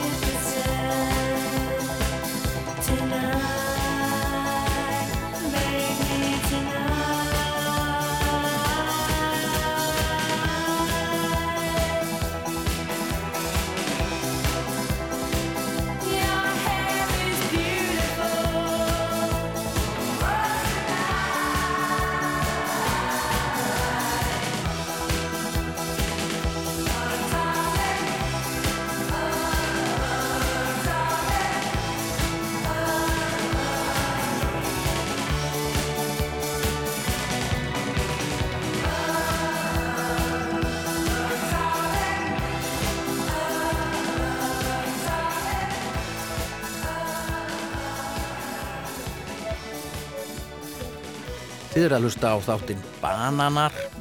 Hér á Rás 2 og við vorum að læra það mér rétt í þessu að bananar eru geislavirkir. Mm. samt ekkert hættulega bara svona eins og hver annar hlutur Já, það er þetta kaljum það er þetta kaljum, já, já. Sem að sem að svona Já, já, við þurfum ekkert að ágjöra þessu, við þurfum að borða mjög, mjög, mjög, mjög, mjög marga banana í mjög, Já. mjög, mjög langan tíma til þess að- vera hættulegt. ef við borðum nógu mikið af banunum til að verða fyrir skadalegri geislavirkni þá held ég að meldingavegurinn sé hann er farin, löngu Já. á eitthvað allt annað ég fer margt. áður en að hérna, áður en að áhrif. fyrir að hafa áhrif sko. Já. En þetta er náttúrulega, fyrst og fremst er bananinn náttúrulega fæða. Þó svo að, að bananinn standi náttúrulega fyrir ímislegt eins og við munum komast betur að hérna á, á eftir hvað hann svona táknar uh, í, í samfélaginu. Það var það náttúrulega aðalega matur og hvað getur maður nú gert við banana uh, annað en bara að, að, að taka honum hýðið og, og stinga honum yfir sig. Hver veit það? hver veit það Toppa Marinus, rittstjóri matarvefs mbl.is Herðu, það er nú bara það sko. Það er að nota banan í eiginlega allt og ég er eiginlega, sko, við kaupum óþægilega mikið af bananum og ég fór einhvern veginn á fyrirlestur um svona maður ætti að borða eftir sínu landslægi og árstíðum og þá var til þess að tala um að Íslandingar ætti ekki að borða það sem ykks ekki hér. Þá var ég hrætt út af bananum sko að því að það er bara ræktar held ég sjö á ári í hver að gera að vera að gera tilunir. Þannig að ég mun aldrei hætti að borða banana. En það er ímislegt sem það líka varast með banana. Af því að það er verið að tala um það, ég hef nú engar staðfestar heimildir, ég er búin að tala samt við eitt grasalækn og eitt lækni sem er svona að segja að þetta gæti hugsanlega verið en ég veit ekki hvað það þýðir, en þessi þáttur er daldið svona, er það ekki, svona það má tegja bananan daldið. Þannig að, Tja. já, ég ætla, að leifa mér að, að, að samt greina frá þessu, en ég, ég á nefnilega nokkra vinkunur sem hafa lendið það fá magabólkur, þá eru vist bananar ekki svo góður. En að því að nú er fyrst í janúar, nú getur verið mjög gott að fá sér banana að bananar innhalda mikið magnesíum sem er mjög gott gegn þingu og svo vakna einhverjur menn, ég nefn engin nöfn, búin að vera út að dansa í suppulum, skóm, til dæmis villi, ég veit ekki, þá er rosa gott, slengi í sig einum banana, bara gúf, Já. taka svo hýðið, ekki henda því, nei villi, maður hendur aldrei neinu, matasóun, ha, maður byrjar árið vel, Já. tekur hýðið, pússa skóin. Þetta svín virkar, náttúrulegt og glæslegt. og til í nýjársball bara strax Til í nýjáspal. Býtu, og hvað, býtu púsa skóin og hvað? Hreinsa maður en eða kemur gljá, glái? Glái. Er það? Já, þetta er guðdumlegt. og með, Já. þá með sem sagt Innvorti e, síðinu. e, já, Já, Sleip hála já, blettin. með, já það er náttúruleg fitta. En talandi um fyttu, það eru margir með fyttu í dag, en banan innheldur um eitt mjög náttúrulega góða fyttu. Þannig að fólk er svona að minka í uppskriftunum þetta með smjör og stappa banan á móti. Ég nota alltaf banana því ég býti musli. Þá set ég banana og kókosóli í blender og hræri því saman við haframjöl og alls konar stöf. Bananar eru náttúrulega guðdómlegir í alla þeitinga og, og þeir sem borða ekki mjölkuverur, til dæmis frista mjölk banana, setja það með kannski kakó og örlittli hnetumjölk og búa til nöysþykkan, djúsi, dísætan ís. Bananabrauðið er líklega með vinsælli brauðum bara í heiminum, geiminum, allstar. Þannig að ég veit ekki hvað þið vil ekki gera við banana. Þú veist, klassiska, fólk hefur svolítið glemt í. 90s rétturinn rista brauð með banana. Mér finnst að fólki aðeins að vinna meira með það. Það er mjög gott. Það er Já. mjög gott. Einu sinni, ég ætla að deila með þér uppskrift. Ég er alls spennt. Þegar ég var ungu maður og, og eldaði onni sjálf á mig Mm. stundum, þá bjóði til rétt sem að hétt um, ekkjaskarambi með banan á kúskús. Já. Þetta þótti engum gott nema mér. ekki, sest, Getur þú ímyndað þér af hverju? Sko, ég, Egg og banani, gengur það ekki upp? þetta er daldið svona fusion flip. Ég meina, hrefna sætran og svona lið sem er að vinna með fusion myndi örgla alveg bara mísi yfir þessu. Heldur þessi að kveikja perunni nú? Já, ég held að hún sé bara að skrambla þetta upp.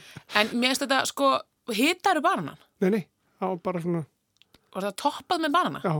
Þannig að veist með ekki að kaupa þetta. hrærið egg Nei, ég hef nú Já, sagt, hrærið egg, og kúskús saman við það það er allt í læs með, með kús, hrærið því öllu saman já.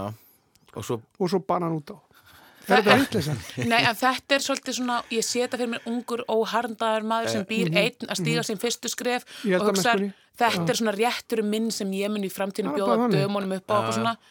Ég bauður Mér- þetta mér- vini mínum upp á þetta einu svona og hann sagði þetta er viðbjör. Mér var, hefur- mér var svo en flott ég- þegar þú byrjar að segja þessa sögu hvernig þú settir þið svona í stellingar hérna inn í hljóðvörun og horfið þið svona eitthvað upp í hotn inn í eilífiðuna þegar þú varst að rifja upp hérna En segð mér eitt, Þetta. hefur þú búið koninni þinn upp á þetta? Nei, ég hef ekki gert það það. er að því þú veist innstinni, þetta er ekki góð hugmynd. Nei, þetta er ekki góð mynd.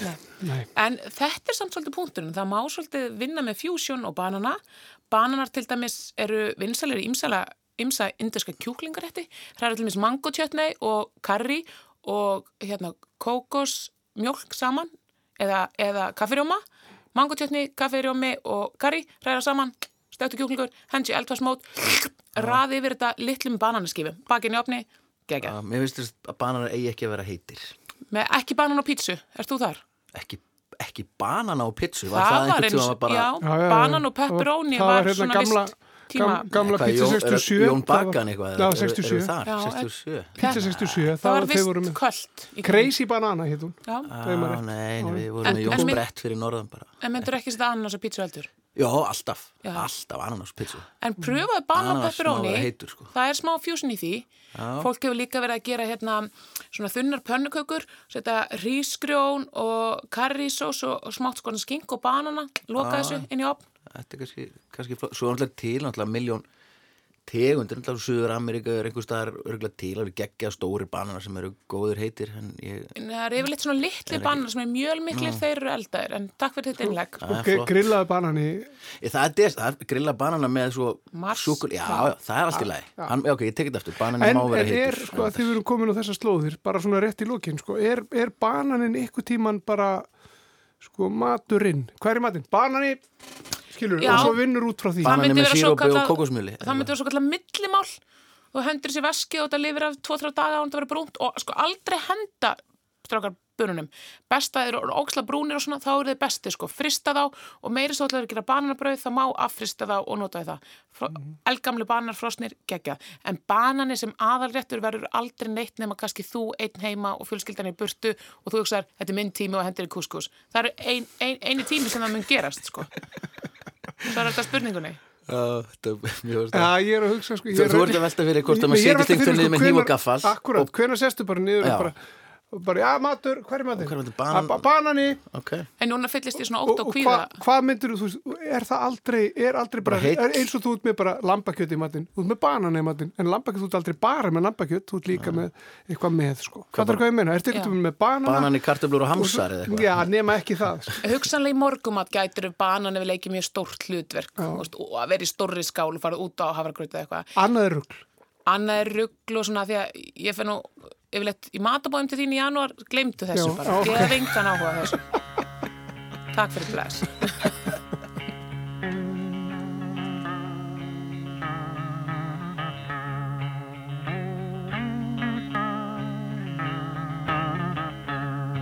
Moving to the country, I'm gonna eat a lot of peaches. I'm moving to the country, I'm gonna eat me a lot of peaches. I'm moving to the country, I'm gonna eat a lot of peaches. I'm moving to the country, I'm gonna eat a lot of peaches. Peaches come from a can,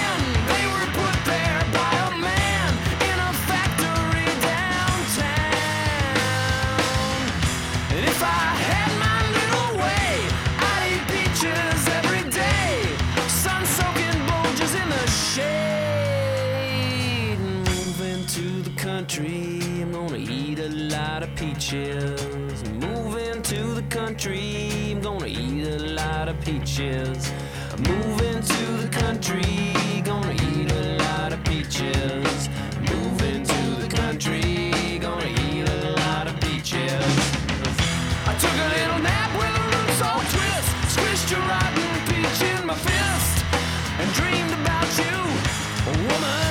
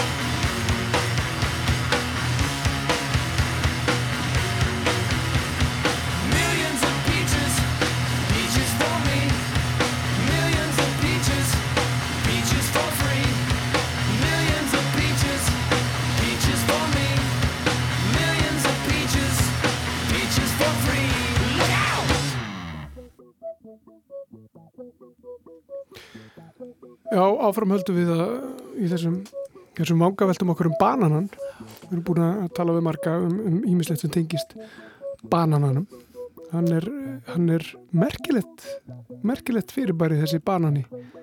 Já, hann, hann er það. Ætli við, hefðu við geta gert svona þátt um gúrkuna? Hann hefði verið miklu stittri. Það hefði verið svona gúrkutíð. Nei, fóru við þangað. Já, þú fórst þangað. Já, Já, það hefði verið, það hefði verið sko mjög stuttu þáttur. Já, það er skemmtileg staðrind um gúrku annars. Mm. Er einhvern tíðan las ég að, sem sagt, það er, gúrka er, það er meira vatn í gúrku en í sjónum. Gúrka er að stærri hluta til vatn heldur en sjórin er því sjónum er náttúrulega alls konar steinefni og söld og, og sannleik vera lífveru líka. Þannig að það er meira vatn í einum rúmmetri af gúrku en einum rúmmetri af sjó bara svona eflustendur er eitthvað kalla eftir þættu um gúrkuna. Þetta er, er merkileg staðarind. Þetta er merkileg staðarind og gott að koma þessu á framfæri í, þættu um banana. Já, mikilvægt. En bananin, eins og við sögðum á hann, sko, þá náttúrulega er hann meira en bara matur, sko. Hann, hann, hann hefur einhvern veginn uh, skapað sér ákveðna stöðu Já. í, í samfélagi mannana. Sem tákn. sem tákn, já, táknmynd Já, táknmynd. og Af hverju? Það er nú það. Og fyrir hvað stendur bananin? Goddur, professor við Listaháskóla Íslands veit allt um þetta mál Já, uh, sko bananin er, er mjög stert tákn og, og uh, í okkar samtíma, maður þarf að hafa það svolítið í huga því að, því að hann er ekkert sko, uh, þú finnur ekkert í, á síðari öldum eða, eða sem sagt, langt aftur í tíma þá er bananin valla, valla, hann kemur hverki fram í listum eða, eða svoleiðis en uh, það er raunverð ekki fyrir á 20. öld sem, sem, uh, sem uh, bananin verður þekktur og, og, og, og raunverulega kemur hann ekkert eiginlega sko inn í listi fyrir vegna þess að listir sko á 20. öld eru það eh, framsæknar að það er ekki verið að vísa mikið í hluti í, í veruleikanum fyrir framann okkur heldur að, að vera að skoða kannski eitthvað og meiri avantgard hátt og svo er ekki fyrir en Andy Warhol mættir á svæði sem, eh, sem var eiginlega sko snillingur í því að nota myndmál eða íkoni eða tákmyndir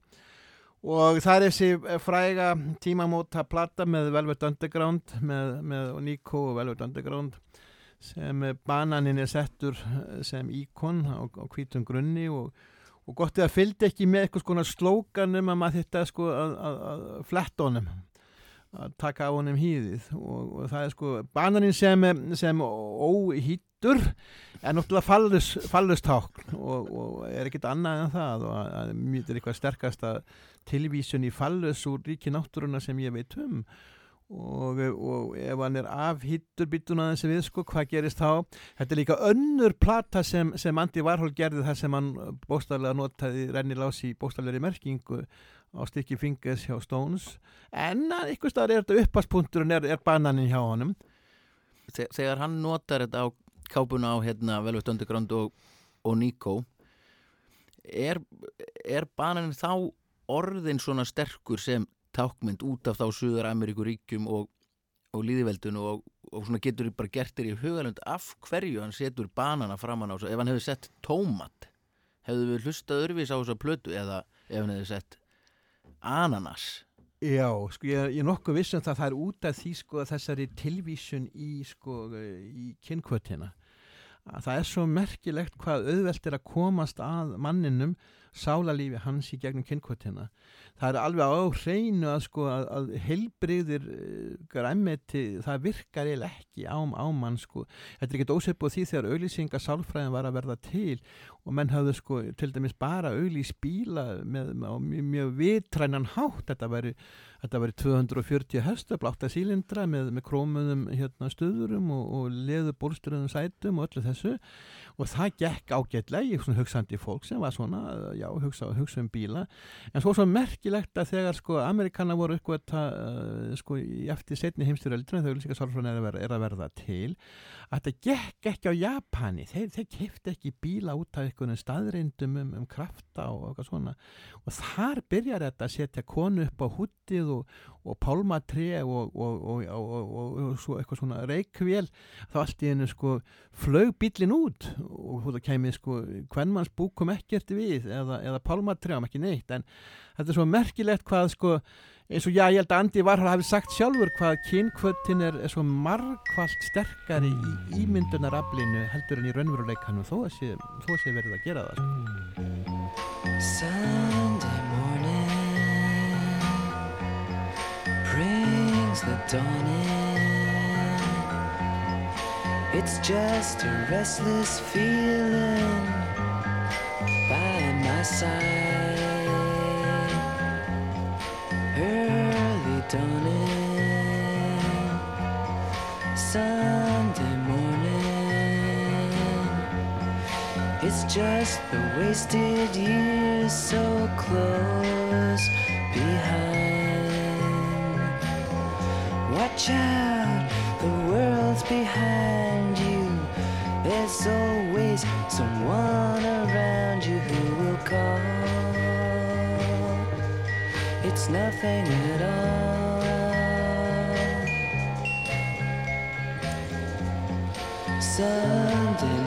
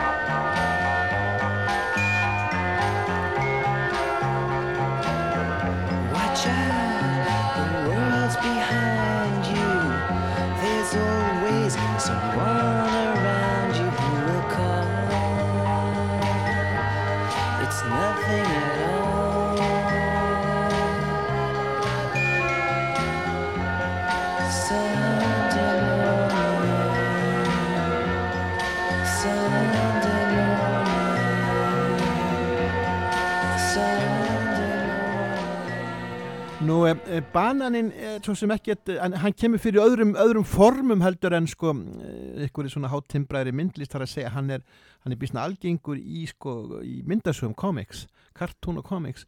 Og sem brandar element náttúrulega sko í myndmáli þar að, að, sko, að, að stíga á banan og fljúa og, og, og, og líka annað sem er, er, er mjög stert, það er Það er í sko pólitísku myndmáli þá er bananinn sko svo mikið tilvísun í bananalýðveldin með þessi miðameríkuríki sko út af því þetta voru náttúrulega sko já, hálgir plat, platríki einræðisherrar og, og, og, og strengja dukkur sem var styrt þarna af amerískum stórfyrirtækjum. United Fruits, Sikita og allt þetta og hérna og, annað element sko, sem kannski uh, út af þessum stimpli banana, banana táknið táknaði banana líðveldi þá er einn íslenskur listamann sem gerði stensla að banana og dreifði þeim víða sko svona í upphafi þessar aldar og rak meiri sé að merkilegt galleri uh, á Barónstík sem hétt Banananas. Harry hétt hann heitir Jó, Jóhansson, hann hérna hann var með tilvísun í bananastensil hann, og, og svo nöfnin á, á, á, á já, eins og sko, sem, tilvísun í stjórnmálamenn og, og útrásavíkinga á þessum tíma þetta, þetta var orðið sko Ísland var orðið bananalýðveldi á uppgangsárum bólunar en maður var að gæta sín á því sko að, að, að táknmyndir er eiginlega ekki til sko, það skiptir ekki svo miklu máli fyrir en fyrir en eins og ykkur frægur maður benda á listin á tímum fjölföldunna sinna fyrir maður að fara að fjölfalda.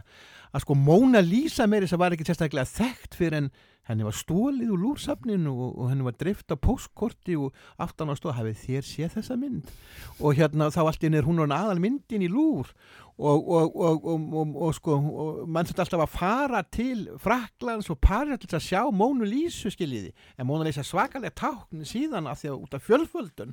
Og sama sem Andi Varhul var að gera að fjölfalda myndir af, af, af þessum, þessum, hérna, þessum stjörnum 50 stjörnum, Melly Monroe og Jackie Kennedy og, og þessum táknum úr næstu samfélaginu, Campbell-dósinni eða eða ramastólnum eða eitthvað svona skiljiði sem, sem verða orðin tákn og bananinn sem eitt af þessum stóru táknum sem Andi Varhól virkilega virkilega velti sér upp úr.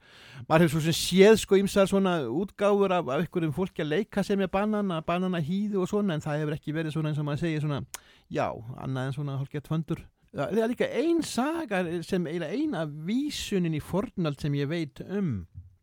Það er skal ég segja ykkur að, að það er með, með, með sko að eplið sé ávöxtur fristingar en máli er það að sko að það er svona koma skrítnir hlutir út úr þýðingum úr fornmálum yfir í nútíman því að þetta voru sko og ég veit líka að eins og eitthvað sagði eitthvað gömul kona sagði margt hefur skólast til að skemmri leiðan frá Golgata Galtalæk. Að það svo skríti með sko með suma hluti sem, sem hafa myndræna merkingu í upphafst skrif, skrifum eða, eða með það sem mikil viska er að þetta fíkjublað sem að setta á sko kynfæri fólksbæði hvernig og kalla, maður sé svona stittur, svona ró, rómæska stittur í virðulegum söpnum, það sem sést ekki kynfæri og þau eru falin með fíkjublaði.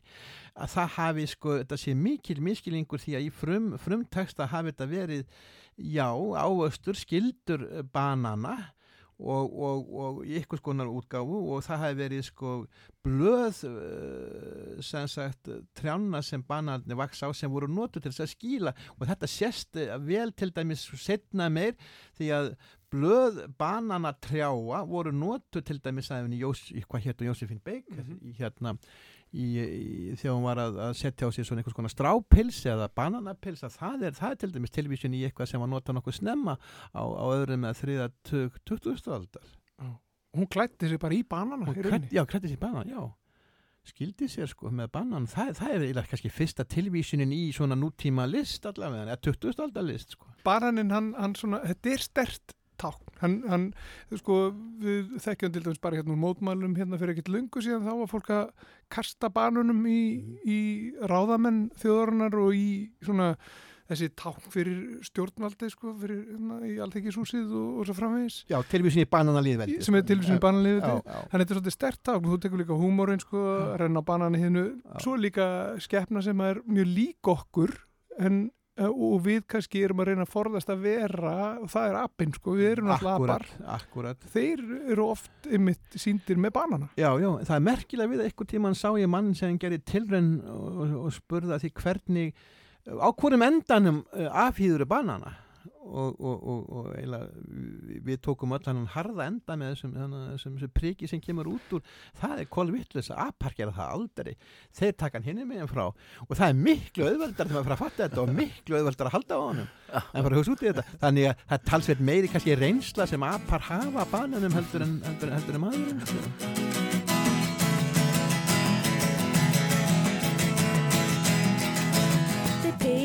paradise, put up a parking lot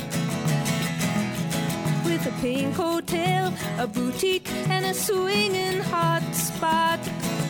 Don't it always seem to go that you don't know what you've got till it's gone? They paved paradise, put up a parking lot.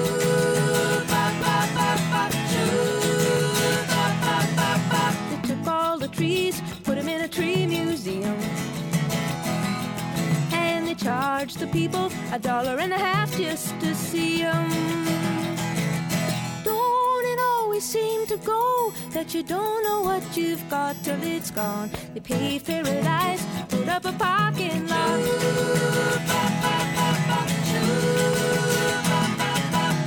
Hey, farmer, farmer, put away the DDT now.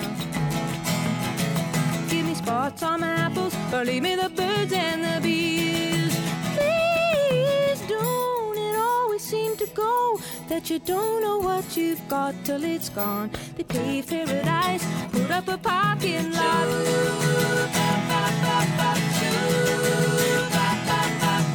Late last night, I heard the screen door slam.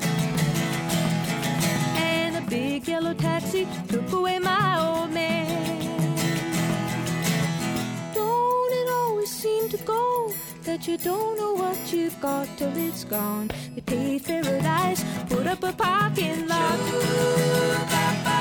I said, don't it always seem to go that you don't know what you've got till it's gone? They paved paradise, put up a parking lot. They paved paradise, put up a parking lot. A parking lot.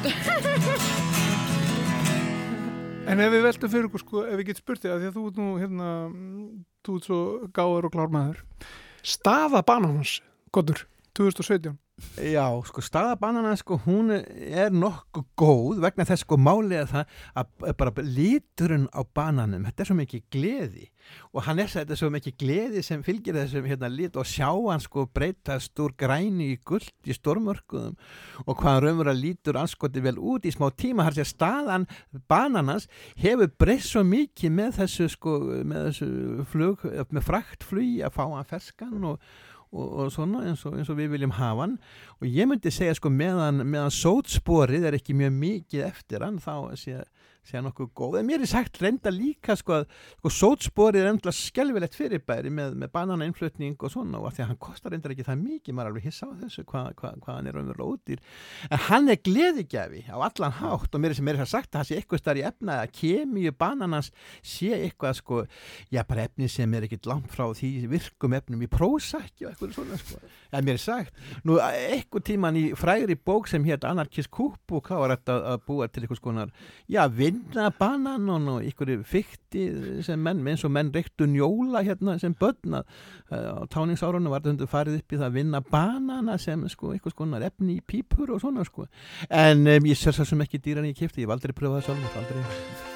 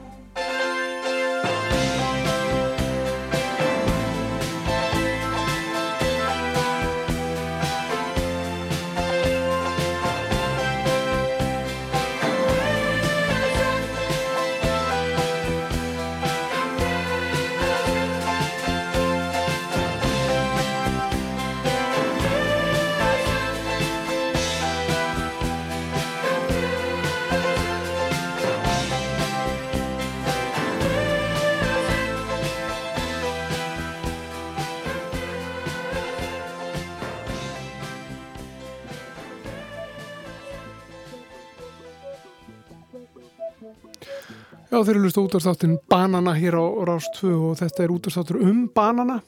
Og það er á nóg að taka. Við vorum að hlusta á, á Gott uh, sem er professor í Listaháskóli Íslands. Hann var að tala svona um tákfræði Bananars.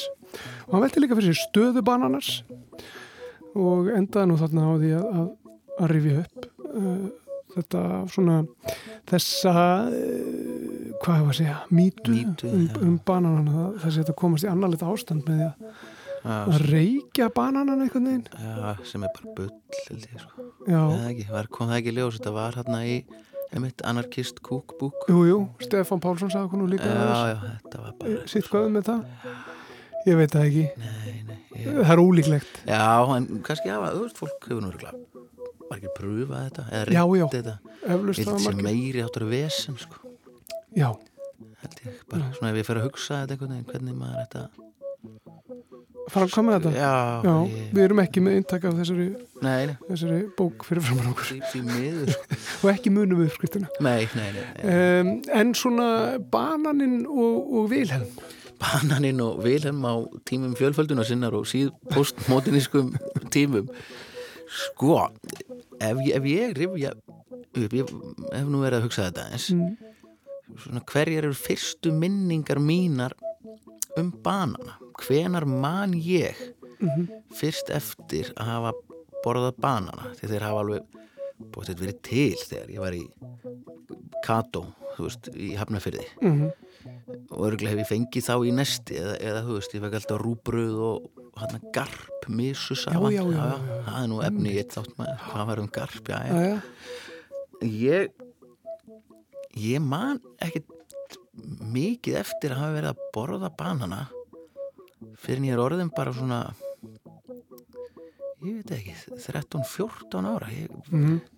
En kannski er það minnið. Já, eh, sennilega ég hef alveg örugglega Já, alveg Ég held að, sveitt, að það hafi verið stappaði róni mann. Al, bananar alveg í, miskunalust, sennilega. kílóavís uh, þegar maður var lítill sko. En Guðmundur Pálsson og, og, og bananinn. Já, ég, ég var einmitt að hugsa þetta líka. Ég á ekki margar minningar.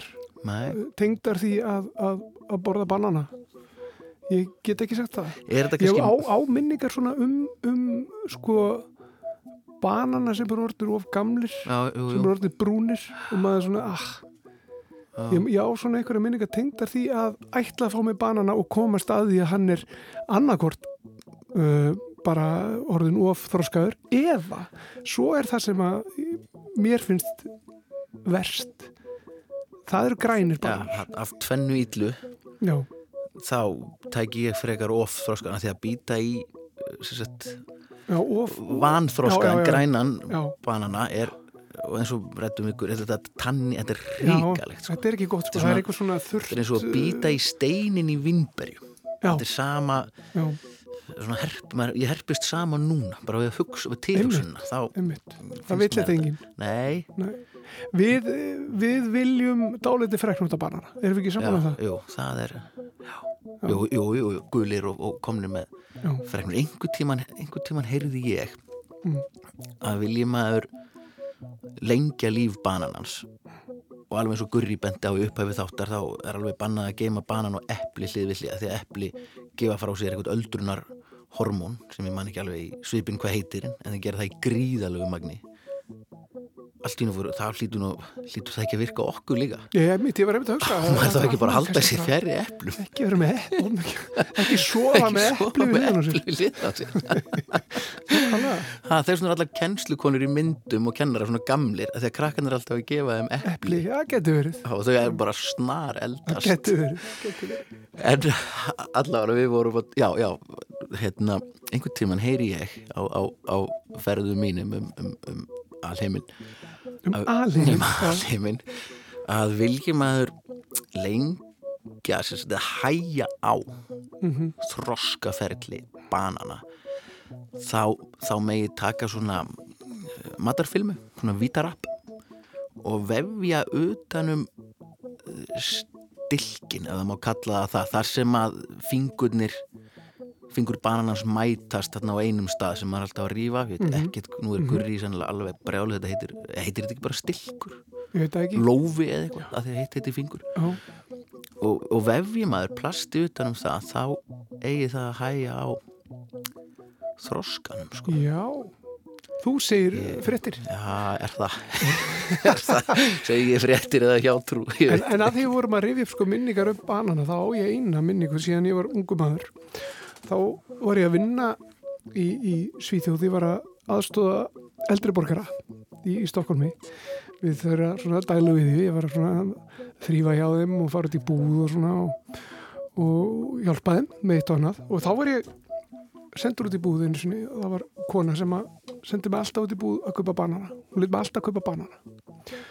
Og, og ég átti alltaf að kaupa þroskaða banana þroskuðustu banana sem ég fann í búðinni og þeir voru oft bara, ég myndi ekki nú þroskaðir. Þeir voru bara grænar. Þá var hún með dálítið ráð þessi kona. Og hún setti bara potta fylltið á vatni setti potta á, á allar hellur og sauð og fyllti bara eldur að guf og svo let hún, bara svo let hún bara hann að standa í þessari gufu í þeirri von að, að þeir myndu, myndu þroskast hraðar. Eftir að hún búin að skamma mig fyrir að kaupa ekki og þroskaða banana. En yndislega kona og góð minning Þetta er, þetta er svo kannski svona full vel í lagt að, hérna, að breyta íbúðinu bara í, í guðbað já. til, að- til að en ég menna það er bara svona maður þarf að bjarga sér að berga sér kannski átt hún ekki epli kannski áttu ekki efni, hver veit The yellow light shining down, the yellow light shining down, the yellow light shining down, the yellow light shining. One,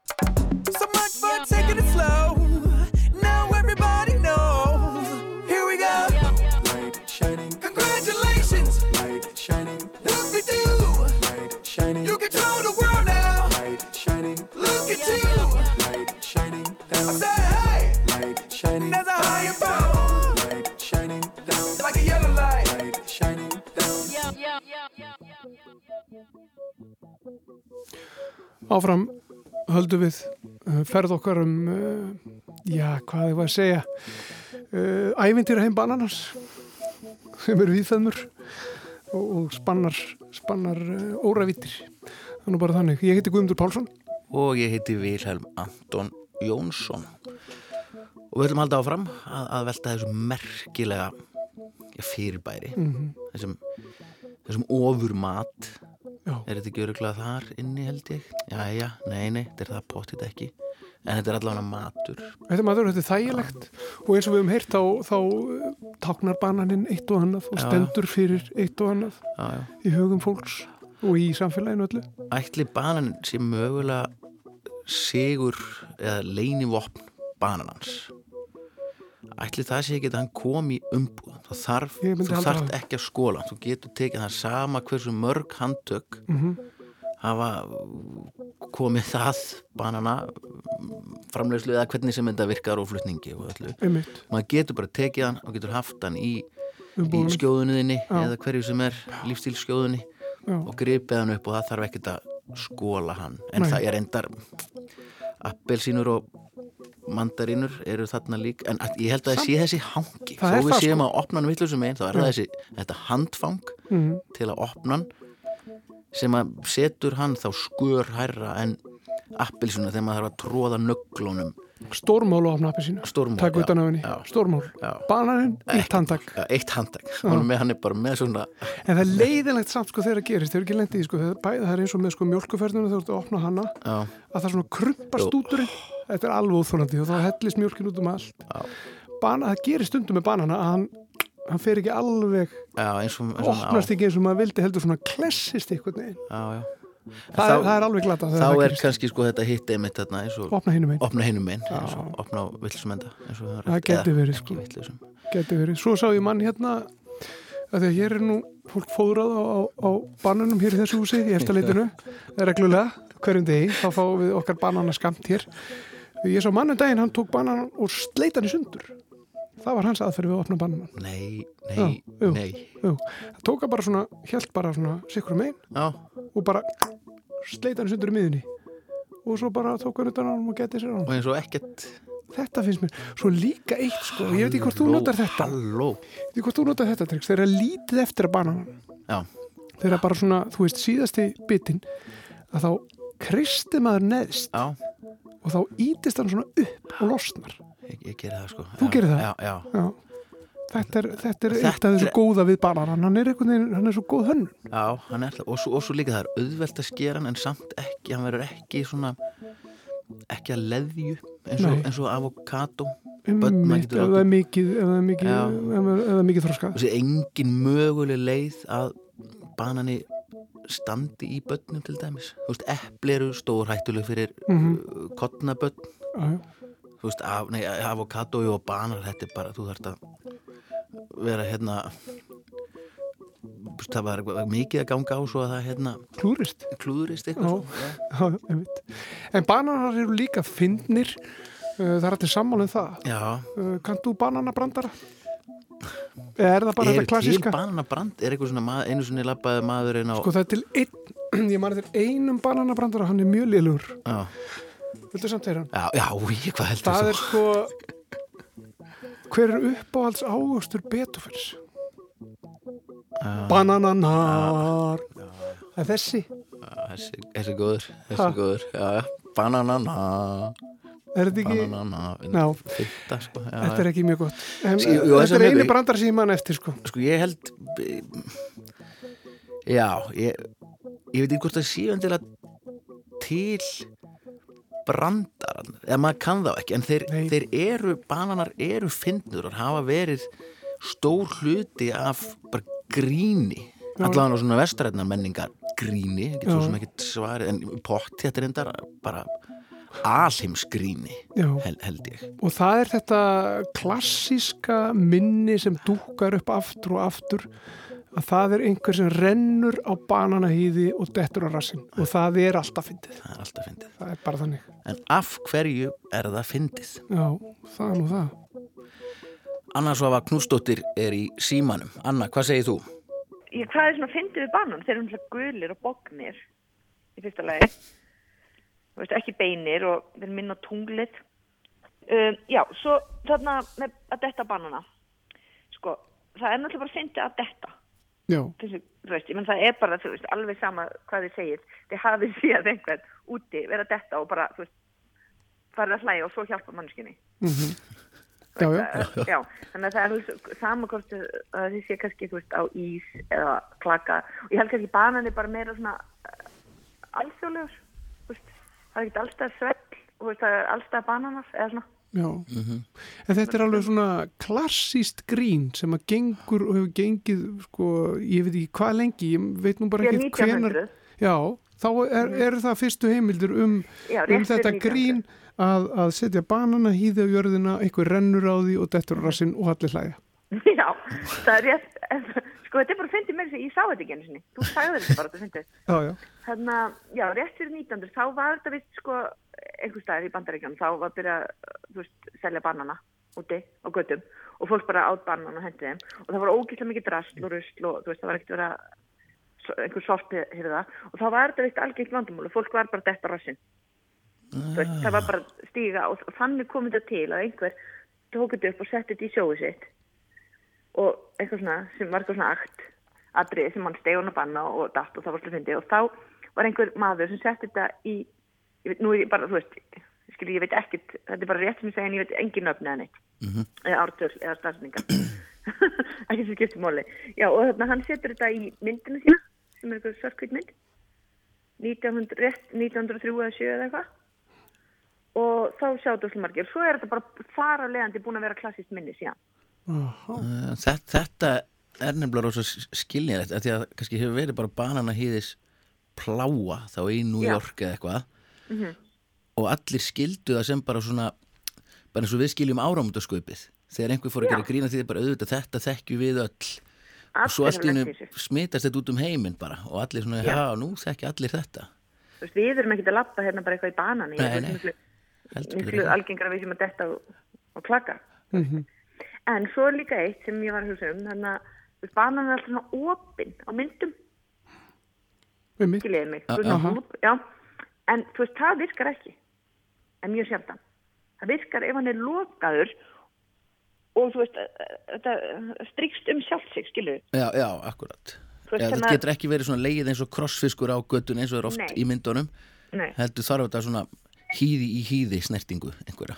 Já Mm. þú veist, ég var, um, ég var að spurja maðurinn minn er kokkur, Já. um og ég segi, já, þú veist, þá hann, já, þetta, þetta meikar ekki að bannan er ekki sleipin ef hann sé lokaður, sko, Mm.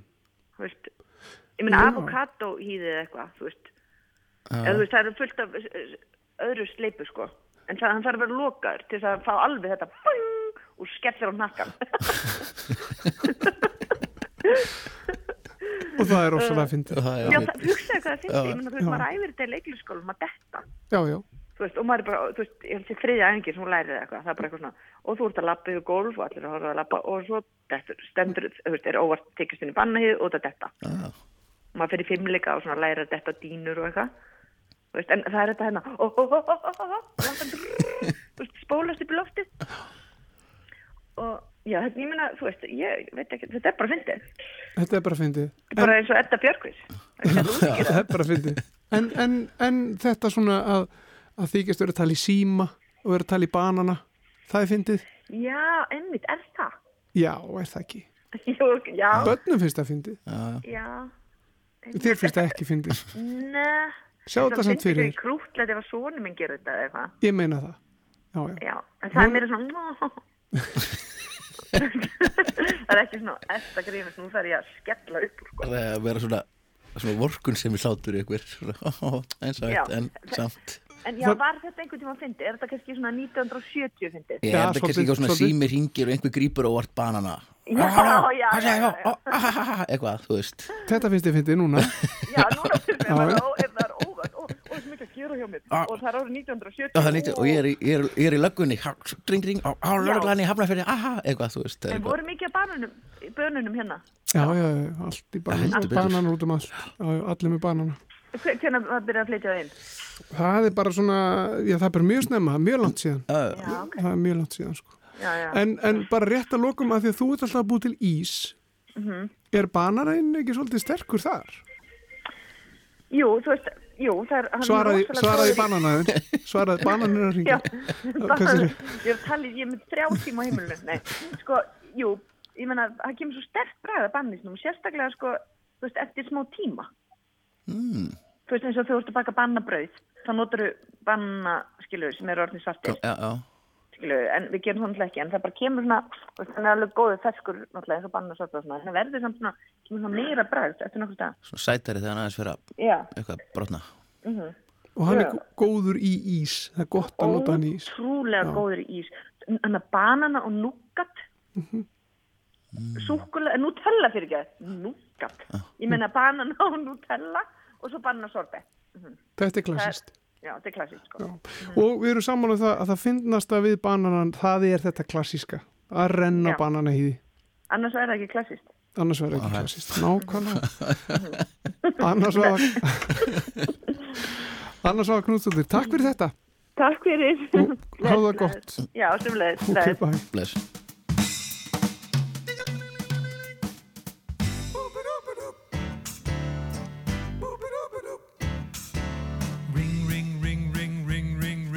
Banana phone. Ring, ring, ring, ring, ring, ring, ring, banana phone. I've got this feeling so appealing for us to get together and sing, sing. Ring, ring, ring, ring, ring, ring, ring, banana phone.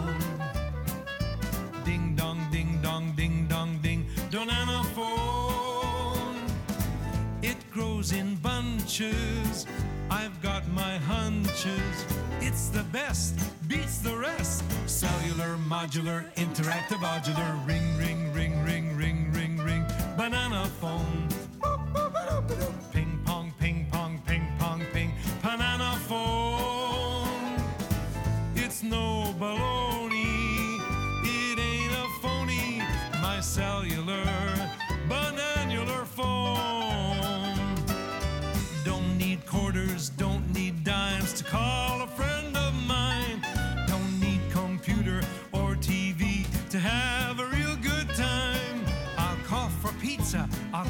Cat, I'll call the White House, have a chat, I'll place a call around the world. Operator, get me Beijing, jing, jing, jing.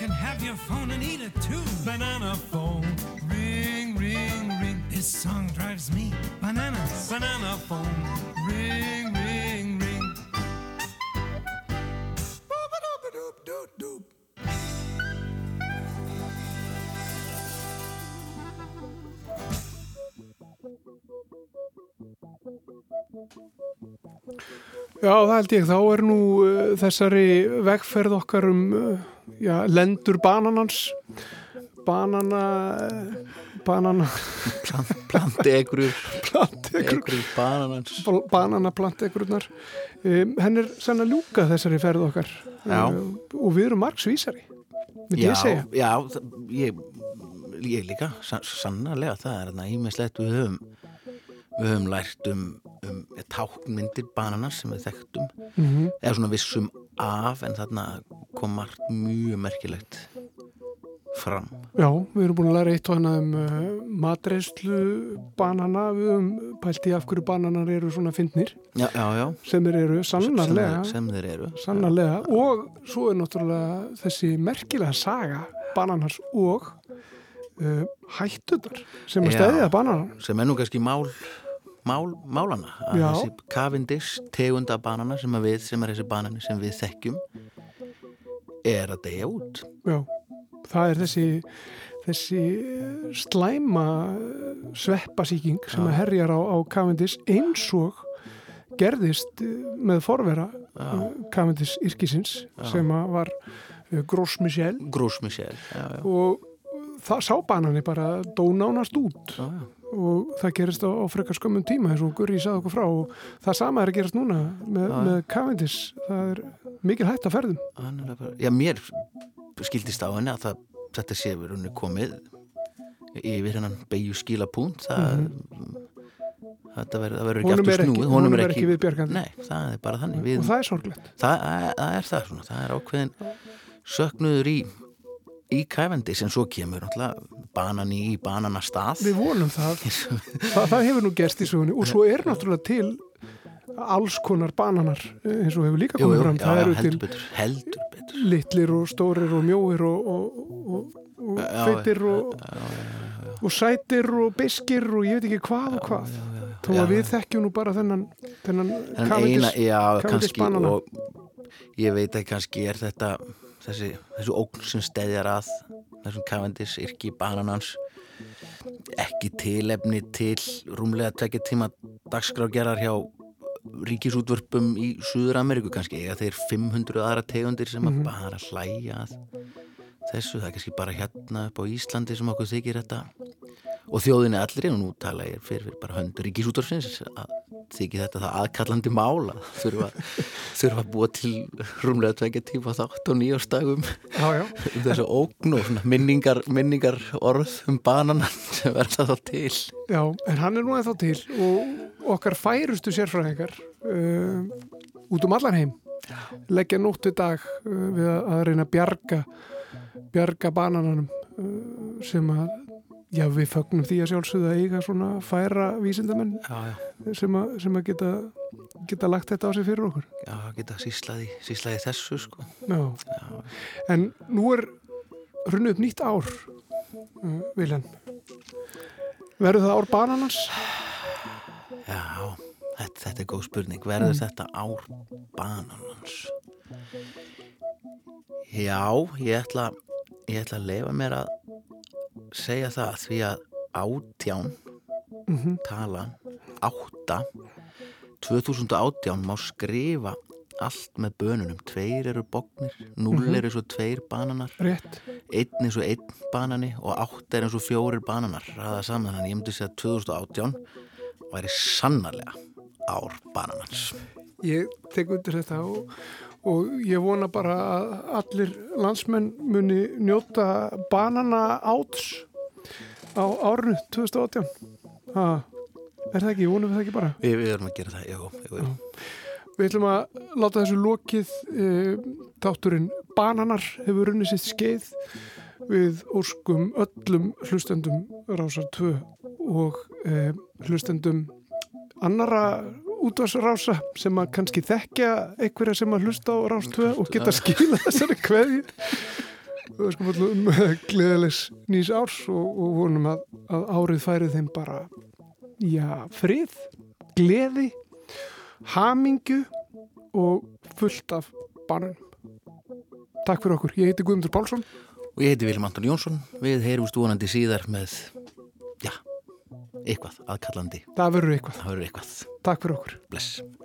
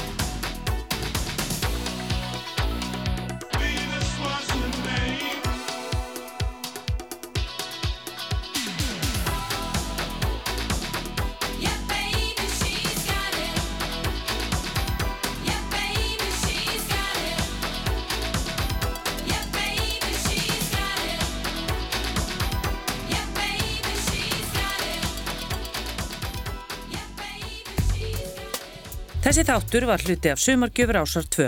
Þú getur nálgast fleiri þætti úr safnir ásar 2 í spilaranum á rúf.is, í rúf appinu fyrir snjaltæki og öllum helstu hlaðvarp sveitum.